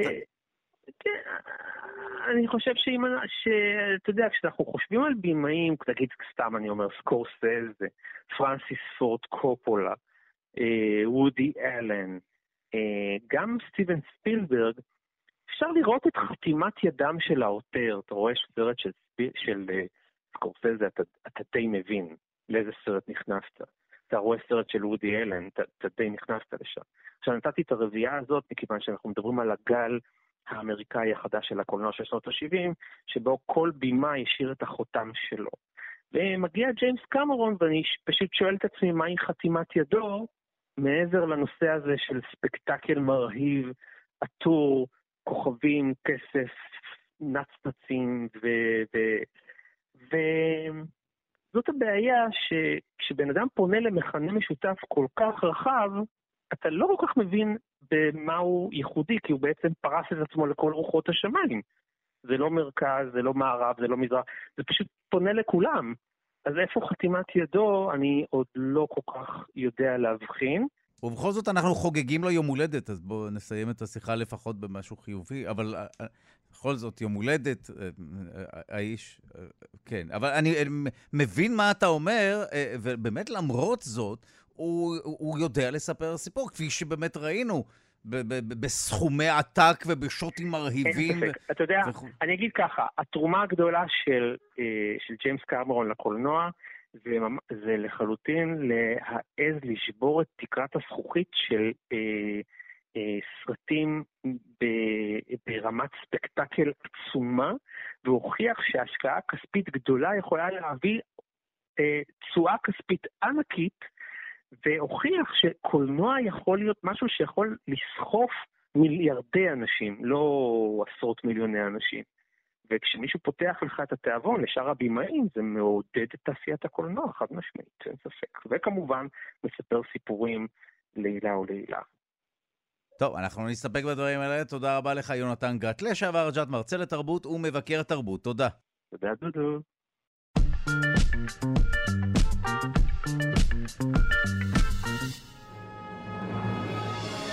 ובמסגרת הפינה ההיסטוריה המטורפת של העולם נשמע את הסיפור על החייל הקוריאני שגויס גם לצבא הסובייטי, היפני והגרמני. שלום לעורך ומגיש ההסכת מנהר הזמן, ערן מנהר, שלום. אהלן דודו. מה הוא היה צריך את כל הבלגן הזה? כנראה שהוא לא היה צריך. אה, קראו לו יאנג קיונג ז'ונג. אה, לא הרבה יודעים על החיים שלו לפני המלחמה, אה, לפני מלחמת העולם השנייה. חוץ מזה שהוא היה קוריאני, שחי בחבל מנצ'וריה. חבל מנצ'וריה, החבל שכבשה יפן באזור אה, דרום-מזרח אסיה, אה, ובגלל זה בשנת 1938 הוא מצא את עצמו מגויס, בניגוד לרצונו, לשרת בצבא קוונטונג, והוא היה בן 18. אחרי הטירונות הוא נשלח אה, לקרבות על גבול מנצ'וריה, לצד כוחות מונגולים וסובייטים. אה, ובמהלך קרב מטורף אחד, יאנק נשבע על ידי סובייטים, על ידי הסובייטים בשנת 39, ונשלח למחנה עבודה. עכשיו, אם הסובייטים לא היו סופגים אבדות כבדות בלחימה מול הנאצים בחזית המזרחית אה, של אירופה, אז כנראה שיאנג שלנו היה נשאר לבלות את כל המלחמה, המלחמה במחנה העבודה הזה, אבל כיוון שכוח העבודה הרוסי הלך והידלדל, בשנת 1942 קיבלו הכוחות הסובייטים החלטה אה, למלא את השורות על ידי גיוס אלפי שבויי מלחמה. אה, די חכם. אבל בין המגויסים היה גם יאנג, ששוב הוכרח להילחם במלחמה בה הוא כבר הפסיד, אבל הפעם בצד של הרוסים. והוא שירת אותם בערך שנה, אה, ואז הוא לחם בחזית המזרחית, בקרב, בקרב השלישי על קרקוב, ובקרב הזה הוא שוב נפל בשבי, הוא כנראה לא היה חייל משהו, okay. אה, הפעם הוא נפל בשבי בידיהם של הנאצים, יחד עם עוד מאות חיילים. אה, ושוב, אלת המזל עומדת לצידו, ואם הנאצים לא היו מאפשרים לשבויים להתנדב במרכאות לוורמאכט, אז יאנג היה מסיים את חייו די very young, מה שנקרא. אז הוא התנדב, שוב, בעל כורחו, לשרת בצבא הגרמני. Uh, הוא נשלח להגן על חצי האי uh, קוטנטין שבצרפת, וממש לפני, יום לפני הפלישה, uh, וכשהגיעו כוחות הברית והסתערו על חופי היבשת מצפון, אז יאנג היה גם בין השבויים. Uh, וכיוון שהם לא הצליחו לתקשר איתו, כי הוא לא ידע לא אנגלית ולא גרמנית כמו שצריך, uh, אז הוא נשלח לעוד מחנה שבויים. הפעם בבריטניה, אה, והוא נשאר שם עד לסוף המלחמה. וכשהשקט חזר לעולם, אז יאנג לא חזר הביתה. הוא היגר לארצות הברית, ושם שוב עבדו עקבותיו. הוא התיישב במחוז אה, קוק אה, שבאילינוי, והוא הלך בשקט לעולמו בשנת 1992.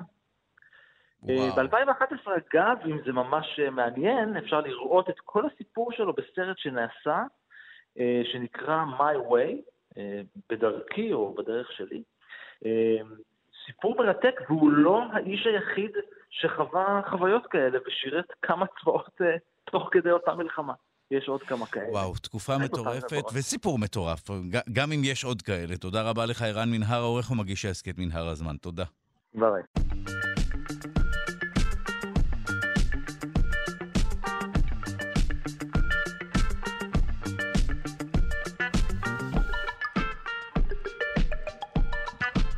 אנחנו סיימנו את התוכנית להיום, העורך שלנו הוא רז חסון, המפיקים הם גיא מחבוש ואלכסנדרה לויקר. על הביצוע הטכני דימה קרנצוב, תודה רבה ליגאל שפירא שמלווה אותנו. אתם ואתן מוזמנים ומוזמנות להצטרף לקהילה הרשמית של שלושה שיודעים בפייסבוק. כאן שלושה שיודעים.